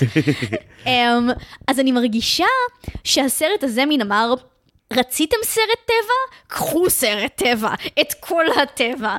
אה, ו- ובהקשר הזה, שוב, אני, אני חושבת שכל החלקים שבהם זה סרט טבע, ונשיונל ג'אוגרפיק פשוט ממוחשב, מגניב. כאילו, אני, אני מסכימה עם ההתלהבות שלך מההתחלה, כי אני חושבת שזה באמת משהו נורא נורא מרשים, זה פשוט עשה תפנית ממש עצובה באמצע ו- ו- ופספס הרבה דברים. אם אני יכול להגיד משהו לזכות הסרט הזה, אני לא חושב שהם עשו עבודה מוצלחת בכל האספקטים של טימון, אבל מבחינת דיבוב הם ממש שיחקו אותה עם פומבה לדעתי. סט רוגן בעיניי עושה עבודה מעולה. בדומה למוגלי, גם הוא לא שר פצצה. הוא לא נשמע כמו הגרסה החמודה והסטלנית של עצמו, הוא לוקח קול הרבה יותר עמוק והרבה יותר פומבאי. הלוק שלו עובד. הדיאלוג היחיד בסרט שבאמת מצחיק ממש, זה הקטע שבו פומבה לא מבין ששולחים אותו להיות שר תותחים. כן. וכל ההבעות, זה הרגע היחיד בכל הסרט לדעתי, שההבעות של בעל חיים עובדות מבחינה קומית ורגשית. ההבעות של פומבה איכשהו עובדות שם, ולדעתי זה הרבה מאוד דווקא על המשחק של סט רוגן. אני לא אוהב בכלל את מה שבילי אייכנר עשה לטימון, הוא פישל אותו בענק לדעתי. הוא גם רשע. הוא עושה לי לא נעים. הוא רשע, יש לו קטעים שהוא כאילו אמור להיות אוכצ'ה בכוונה, זה לא נחמד וזה לא עובד עם הדמות. אז זה היה מבאס. אה, עוד, אז אמרנו, הם חירבו את סקאר, הם, חיר, הם עשו עבודה לא מדהימה עם טימון, הם שיחקו אותה עם פומבה. נאלה בתור ביונסה וסימבה בתור דונלד גלובר. אין לי הרבה תלונות על הדיבוב, זה היה די כיף. זה כן מצחיק ב Can you feel the love tonight, כן. שהוא פשוט, הוא לא, אף אחד לא יכול לשיר דואט עם ביונסה, זה לא אישי, אתה חמוד מאוד. אין קול שיכול לעבוד עם הקול הזה, בלתי אפשרי. אתה מכיר את זה שביונסה עשתה אחרי זה פרויקט מעניין מאוד עם דיסני שקוראים לו Black is King? לא. אז זה סיפור ממש מוזר, זה פתח סוגריים, ואולי דבר יותר מעניין מאשר הרימייק הזה. אמ, ביונסה שרה יותר משיר אחד לסרט הזה, היא גם עשתה את uh, Can you feel the love tonight, וגם עשתה אחר כך את ספיריט, שזה מין שיר מודבק, לא קשור, מיותר לחלוטין, ששמו שם. Um, ואחרי זה, במקביל ליציאה של הסרט, היא הוציאה אלבום ש, אה, של שירים חדשים שמשיקים למלך האריות, ואז שנה מאוחר יותר, או משהו כזה בערך, אה, יצא אלבום וידאו. זאת אומרת, זה מין... סרט אקספרימנטלי כזה של רצף של שירים, ש... אה, מין קליפים כאלה, זה שכל אחד הוא קצת אפיזודיאלי כזה, כל קליפ הוא קצת אחר, אה, שקוראים לו Black is King, והוא כולו משיק לתמות של מלך האריות, אבל לא בצורה מאוד מאוד ישירה. אז יש שם... למשל, הרבה מאוד עיסוק בחוויה של אה, שחורים אמריקאים שמנותקים מאפריקה, מה... ארץ שממנה הם הגיעו. וזה מאוד מתחבר לעניין הזה של החזרה של סימבה הביתה. וה-remember who you are הזה, והתזכור מאיפה באת ואת ה-ancestors שלך, וזה מרתק. זה מצחיק שהזכרת את החלק של ה-remember who you are, כי אני יודע שמלך האריות עובד כמו קסם במקור, כי בשבוע שלפני ובשבוע שאחרי שראיתי אותו וכל מי שהיה קרוב אליי ידע על זה, בכולם התעורר הצורך או לצטט אותו, או לשיר אותו. עכשיו, כולם עושים את זה גם בלי שאני צופה בו, כן? לא, לא מרכז העולם פה, אבל כן קלטתי שכל מי שאני מדבר איתו על זה באיזושהי צורה, זה זורק אותו מיד לדבר שהוא אוהב בו. ובת הזוג שלי, אחד הדברים שהכי אה, אה, גורמים לה לקרוא מלך האריות, זה פשוט uh, לשיר את החלק שלה, היא מהמ... כאילו, היא נכנסת לזה בכל הכוח. ו... ומכירה את זה שאת רואה סרט דיסני ועובר שבוע או שבועיים ואת שרה ברגעים לא קשורים בסיטואציות לא מותאמות. כמובן. אז השיר הזה כיכב בבית שלנו חודש אחר כך.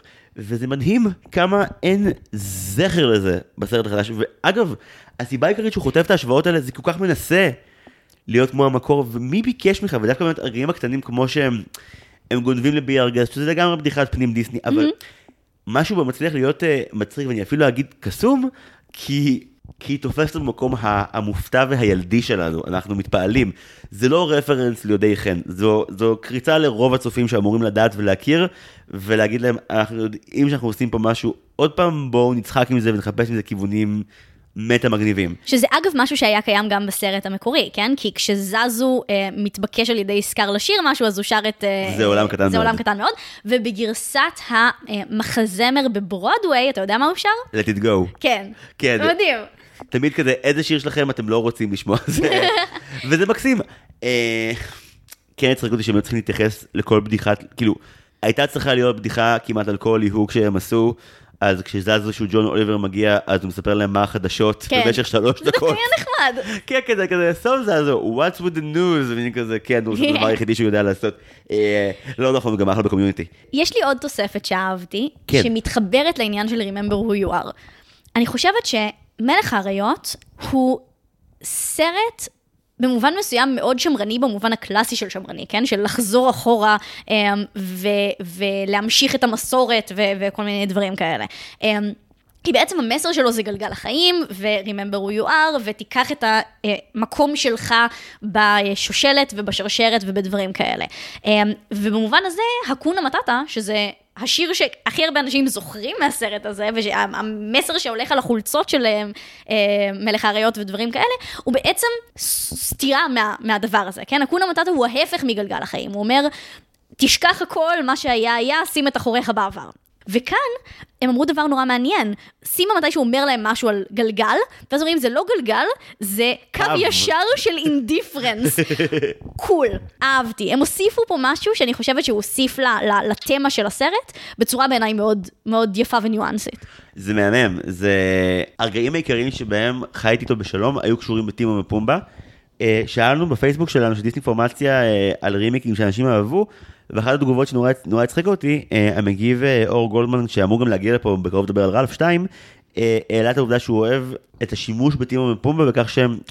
הם יודעים שזה סרט, הם שוברים את הקיר הרביעי, ותהיתי כאילו באיזה אופן הם התייחסו לזה, הנחתי שכמו במקור הם כזה יפנו למצלמה או משהו, אבל זה קורה בצורה הרבה יותר אגבית. כן. זה קורה בסוף ה number של האקונה מטאטה, שבדרך אגב, כשטימון, שסימבה רוצה להמשיך לשיר לנצח, וטימון ופומבה מתחננים שכבר יפסיק, אחד מהם נראה שזה טימון מעלה את הנקודה ש... טוב, אתה כבר העלית 200 קילו מאז שהתחלנו את השיר הזה, ואנחנו לא, אנחנו גמורים מזה.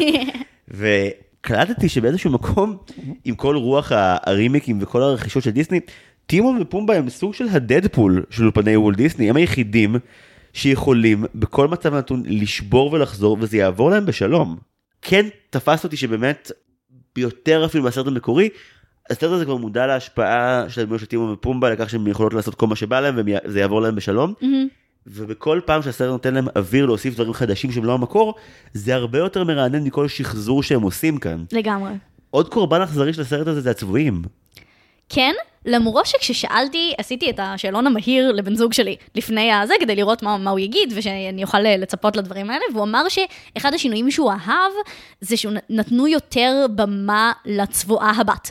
אמ, ושזה היה מין...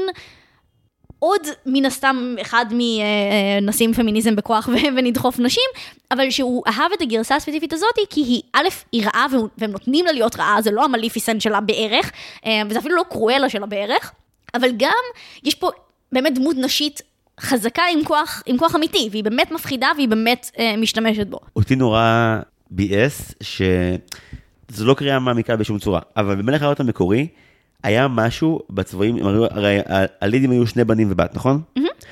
עניין הבדלי המינים ביניהם פשוט לא היה עניין, כי הם היו דפוקים באותה מידה, וכאילו אם הבן צוחק באופן מפגר אז גם היא תצחק, וכאילו אם מישהו אקסקלודד זה עד, זה לא אחד מהשניים, זה לא הבחורה דווקא. ודווקא כאן כאילו מין, אוקיי, יותר שורות בשביל הצבועה הבת, אבל האפיון של כל אחד מהצבעים היה הרבה פחות עם צבע ועם עניין, בעוד שבמקור הם היו אחד הדברים הכי סליזיים ומגניבים ממלך האריות, כי הם לוס קאנון. וכאן הם עוד חיות טרף ביער, אין, אין הרבה עניין איתם חיות טרף בצוק, סליחה. פלוס, כל סצנת המוות המזורגג של מופסה היא עשירית מהכוח של המקור. כן. והסלואו מושן על סימבה כשיוצאים אחורה בדולי אאוט כדי לראות את כל העמק, לכו קיבינימט. זה כזה מכוער וצ'יזי. כן. כאילו, במקור זה כזה מהר התנועה ממנו החוצה. כאילו, ה-no של סימבה טס במקור, וזה כזה, גם המהירות שבה זה תוקף אותך אחרי כל הפתיחה האיטית, היא מפתיעה, את נבהלת.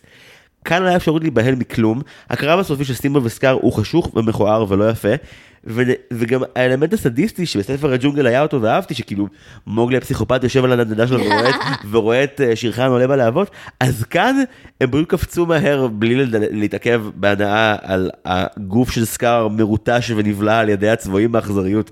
זה היה איזה סוג של רשעות שאהבתי בסרט המקורי, כי היא אמרה, חבר'ה זה הטבע, הטבע אכזרי ומרושע, מה ציפיתם? וכאן זה מין כזה, הטבע מרושע, בואו נראה שוב את הזוג המאושר והילד שלהם. אתה גם לא יכול להראות דבר כזה בתמונה כל כך ריאליסטית בסרט לילדים. כי זה רע אמיתי, כן. כי הם מוותרים מישהו באמת. בגלל זה גם, אני חושבת שהשיר של סקאר, אני חושבת שאחת הסיבות זה כי אתה אומר, אם הוא ישיר והוא יראה ככה, אי אפשר, זה לא יעבוד, כאילו. לא, לא, באמת רוב השירים מבאסים בהקשר הזה, כי גם אם הביצוע הווקאלי סבבה, משהו בדמות נחלש, מקרה המבחן הכי ברור בסרט למה קורה כשהאנימציה הריאליסטית פוגשת את, ה, את המקור, זה באמת מופסה, כי איכשהו ג'יימס אר ג'ונס עושה עבודה לכאורה דומה למה שקרה במקור, והמון מהעוצמה נעלמת, כי פשוט משהו בהבעתיות הבוטה של כל אחת ואחת מהדמויות התקהה. בניגוד לספר הג'ונגל שלקח סרט עם אנימציה די שנה ופיצץ את הדמויות עם המון המון אופי חדש, אפילו רענון אופי לחלק מהדמויות, כאן אלה אותם הדמויות אבל עם פחות מהאופי שלהם והבעות פנים שמוחקות עוד חלק עצום מהנפש שלהם וזה פשוט מבאס את התחת. כן. זהו, ולכל אלה שרוצים להגיד, איפה היית לפני שלוש שנים, לא הייתה קורונה ולא ראיתי דיסני. בסדר, אני מגיע להכל ממש עכשיו. עוד דברים שרצית לומר על הסרט? לא, אבל אני רוצה שנסיים עם משהו שמח יותר. יפה, אז יש פינה. יא! כן, פינת העתידות. כי אני הבנתי משהו. אני עברתי אה, שלושה ימים של גיהנום עם לראות את כל הסרטים האלה ברציפות. ואני, את היפה בחיי אני, אני אקח שבוע ואני אראה עוד פעם לפני שנצא את הפרק הזה אולי, וכזה נראה מה הוא באמת שהוא שלם. אני לא רוצה להמר שוב ושוב על כל רימייק וללכת לראות אותו בקולנוע ולהתאכזב ולהתבאס. אבל את תלכי בכל מקרה. נכון. אוקיי, אז הדברים הקרובים שצפויים לנו. אה, בת הים הקטנה יוצאת שנייה, נכון? אמור. גם פינוקיו? גם אמור לצאת, מתישהו. אה, המון דיבורים על שלגיה החדש, שכולם עושים את הליהוק שלו. נכון, ראית את התמונות שלה בשמלה? כן.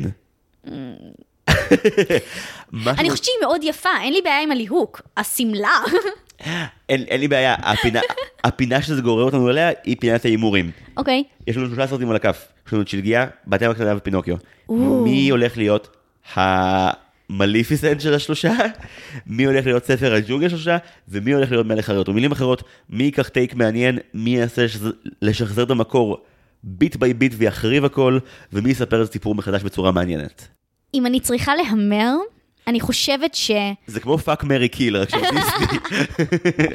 אמ, אני מתבססת גם על ההיסטוריה של הרימייקים שהיו עד עכשיו. הרימייקים של ה nineties נוטים ללכת אחד לאחד, ולכן אני מהמרת שבת ים הקטנה ינסה לעשות את היפה והחיה.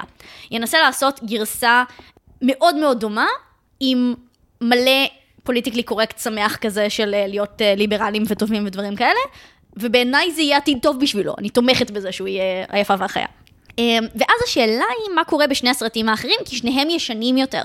והם שניהם מהמקרים שבהם דיסני מנסים לעשות משהו, בדרך כלל בסרטים הישנים דיסני מנסים לעשות משהו שהוא אחר. אני מקווה ששלגיה ייקח את הכיוון המליפיסנטי, כי יש לנו stakes בעניין, יש לנו שם מלכה רעה שאנחנו מאוד רוצים שתצליח. ולכן, זה גל גדות, כן? תראי, אחרי שבעשור הקודם היה לנו שני סרטי שלגיה מחורבנים, אה, גם מראה מראה וגם שלגיה והצייד, ואפילו ג'וליה רוברט לא הצליחה להציל אף אחד מהם. אה, מסופקן אם, דיסני יצליחו להציל את זה, אבל אה, זה עליהם, אולי אחרי מלך האריות הם יתעשתו, אני לא יודע. אני מקווה, אה, אני אגיד שכתבתי כשהכריזו על זה שגל גדות היא ה- המלכה הרעה החדשה, כתבתי לאוף סקרין, שזה כתב עת לקולנוע, אה, כתבתי משהו על, על הליהוק הזה. בין היתר על זה שיש שם פוטנציאל אנטישמי גדול אם הם הולכים על הדמות של המכשפה כמו שהיא עם האף והזה, ולכן אני מאוד מקווה שהם יעשו משהו אחר איתה. ואני חושבת שיש שם פוטנציאל נורא נורא גדול, ואני מאוד מקווה שזה אה, יצליח, ולכן אני מקווה שזה ייקח את הכיוון המליפיסנטי. אני מקווה לראות את גל הגדות אוכלת מצות מדם של ילדים נוצרים, אבל בסדר, מה שבהלך. ולכן אני מקווה שפינוקיו יצליח, אני גם חושבת שפינוקיו צריך את הטיפול של ספר הג'ונגל בשביל להצליח. זה סרט שהסיפור המקורי שלו הוא גם מאוד מאוד אפיזודיאלי, אה, וגם מאוד מאוד מאוד creepy, ולהראות אותו ב live action. אימא'לה, אמ, והילדים המעשנים שהופכים לחמורים וכאילו דברים, לא רוצה את זה, nightmare, כאילו לא. אמ, ולכן אני מקווה שהם יצליחו לעשות לו את הספר ג'ונגל. אז אני לא עונה לך את ההימור של מה יקרה, אלא את מה שאני מקווה שיקרה. אני חושב שזה אח אופטימי, ואם מה שדיסני לימדו אותנו עד כה זה להאמין בפיות. אה, אני אגיד מבחינת חובות רימייקים של ההסכת. אה, לא דיברנו בהרחבה על קרואלה, אני אגיד, כבר אמרתי מה שיש לי להגיד, גם בפרק הקודם אני חושב שעשינו, שבקצרה זה היה סרט מאוד קצבי וכיפי, אבל אה, אין לי עניין לפרק שלם אודותיו, והרימיק האחד שיש לי עוד חוב אליו שאני אגיע אליו בהמשך, זהו חברי הדרקון אליוט. אה, אנחנו נעשה בהמשך הדרך פרק אה, שידבר גם על המקור וגם על החדש באותו אחד, נראה לי שזה יותר מעניין מאשר דווקא פה, כי הוא לוקח קצת כיוון אחר מרוב הרימיקים, והוא מנסה הרבה יותר ללכת לדרמה האינדית ולא לא לפס הייצור. הוא גם מתבסס על סרט שהוא מאוד מאוד אחר מלכתחילה. זאת אומרת, הוא לא אחד מהקלאסיקות שכולם גדלו עליהם ו- וכו'. לא, הוא רימייק אנימציה live action לסרט שהוא אנימציה live action, וזו חיה אחרת. אה, אז נגיע אליו בהמשך הדרך, אני רוצה להאמין, עד גיל 35 אולי. אה, התחלנו בשתיים. כן, אה, אוקיי, וואו, דיברנו המון, אבל היי, זה פרק הרימייקים הגדול. מילות סיכום שלך על החוויה הראשונה שעברנו עכשיו? נורא כיף לי שהזמנת אותי. אני תמיד שמחה לדבר על אין הרימיקים. אדם אחר שהיה כשיר למשימה יותר ממך, ועשית את זה מדהים. היה לי מרתק מבחינת כמות הידע שרכשתי פה היום, והכלים שקיבלתי בסשן הזה. תודה רבה. כשהרימיקים הבאים יצאו, את תראי אותם אך ורק מתוך המחויבות, או שבאמת יש לך ציפייה כנה שעדיין זה יהיה, כמו שקראת לזה, אה, ספר הג'ונגלי. אני ניגשת לכל מה שדיסני עושים עם אופטימיות זהירה. אני חושבת שאין מה לעשות, אני כל כך אוהבת את החברה הזאת וכל כך אוהבת את כל הדברים שהם עושים, ואני אני חושבת ששמעו את זה גם בפרק הזה וגם בפרק הקודם. יש לי ביקורת, ואני מכירה את הבעיות, ואני מכירה את הכסף, ואני מכירה את כל הדברים האלה, ואני עדיין סקרנית כל פעם שהם מוציאים משהו חדש, ואני באמת רוצה לראות את זה. וגם את הסרטים כאן, גם את הדברים שירדנו עליהם, עדיין היה לי כיף איתם, ועדיין, חוץ ממה שהם עשו לסקאר, עדיין היה לי כיף איתם. ואני עדיין מאמינה שלדברים האלה יש מקום, ואני חושבת שהם באמת, שוב, עם זה התחלנו, הם, הם מרתקים מבחינת מה שהם אומרים על דיסני ועלינו ועל העולם. אם מישהו רוצה לאמץ את חוות הדעת שלך לגבי האופטימיות של הרימיקים, שיש בהם איזשהו ניסיון לתיקון מוסרי שהוא מעבר לבצע כסף, איזה שניים שלושה רימיקים היית אומרת לאנשים תתחילו איתם כדי לראות משהו אופטימי יותר? אני חושבת שזה נורא תלוי במי אתם ומה אתם אוהבים. אני חושבת שלאנשים שלא אוהבים שנוגעים להם במקור, ומפחדים שיהרסו להם אותו, ואם עושים עדכונים ודברים כאלה, אז זה שינויים בקטנה, אני חושבת שהיפה והחיה הוא, הוא, הוא הצלחה בזה, הוא שומר על הרבה מאוד מהדברים המקוריים ומהמוזיקה ומהדברים האלה בצורה מאוד טובה, ועדיין מעדכן דברים בצורה יפה. למי שרוצים שינוי, שרוצים לראות משהו אה, אה, אחר, או זווית אלטרנטיבית או דברים כאלה, אני חושבת שספר הג'ונגל וקרואלה, הם יחסית בטופ של האפשרויות, שהם באמת עושים משהו שהוא קצת אחר מהמקור, אה, קצת או, או הרבה אחר מהמקור במקרה של קרואלה, אה, ועדיין הם כיפים וסרטים ש, שכיף לראות אותם כשלעצמם. למישהו שרוצה לקחת wild card, אני מציעה כן לראות את סינדרלה. אני חושבת שגם אמרתי לך את זה, אני חושבת שהוא לא עושה, הוא לפני שדיסני תפסו פורמולה, אה, לפני שהם הבינו איך עושים את הרימייקים האלה, ואז עם אה, היפה והחיה ואלאדין וכן הלאה עשו את הכל ברצף, סינדרלה הוא קצת אחר, הוא מין סרט מעשייה כמעט עצמאי באיזשהו מקום, הוא כאילו מין עוד גרסה של סינדרלה מבין מיליון, וזה נחמד בעיניי, ויש לה שמלה נורא יפה. אמ, אז אני אני אוהבת סרטים של דיסני, אני רוצה להמליץ על כולם. לא, זה בסדר, אני, אני, אני מסכים כמעט עם כל מה שאמרת, אני חושב שאם מחפשים זווית מרעננת על, אה, על נבלית של דיסני, אחרי כל המסע הזה אני עדיין אפנה אנשים לא למליפיסנט ולא לקרואלה, אלא ל-101 כלבים גנבים מ-96. פייר. אני חושב שקרואלה דה ויל של גלן קלוז היא, ה... בוא נאמר, מארוול כבר 20 ומשהו סרטים אה, לא מצליחים להוציא נבל כמו שצריך, חוץ מטאנוס, וקרואלה דה ויל של גלן קלוז היא הנבל הכי מפחיד והכי מצחיק, מרושע, מושלמת לחלוטין. וזה עדיין עובד מעולה. אה, ואני מתחבר מאוד להמלצה על אה, ספר הג'ונגל ועל מה שראיתי מהיפה והחיה. אני אתן לו עוד צ'אנס, אני מבטיח. אה, וואו, דנה גרין, איזה מדהים שבאת לפה עוד פעם, תודה רבה רבה. תודה רבה רבה לך. כשהתזה היא על דיסני מתפרסמת, אז תצטרכי לבוא ולומר את עיקרי הדברים גם כאן בפרק מיוחד, את יודעת? בכיף. ההסכת הזה נותן במה לאנשים שחוקרים דיסני בצורה שהיא גם מצחיקה וגם כיפית וגם מעמיקה. אז כל הכבוד, ממש. ותודה רבה על זה. תודה לך. יש. אה, אוקיי, עוד כמה תודות. אה, תודה רבה למעצב שלנו, אה, לטל סולומון ורדי, למלחין של ההסכת נועם טבצ'ניקוב, לצוות התחקיר שמונה את סיגל צחורי ואוריה אורן יוסף, ולאחרית השיווק שלנו, סתיו צימרמן פולק. אם אתם אוהבים אותנו, מחבבים אותנו, מסמפטים פלוס, אה, מוזמנים עוד להמליץ לחבר או החברה האלה שלכם שאוהבים דיסני ופודקאסטים, אבל עדיין לא מאזינים לנו, אנחנו נשמח מאוד, וכמובן לייק לעמוד הפייסבוק שלנו, דיסני מכה פורמציה. זהו, עשינו זאת, עשינו כמעט כל הרימיקים בעולם. אה, אני הולך אה, לישון שבוע, אה, דנה גרין, תודה רבה שוב שבאת לכאן, ועד הפעם הבאה, היו שלום. ביי.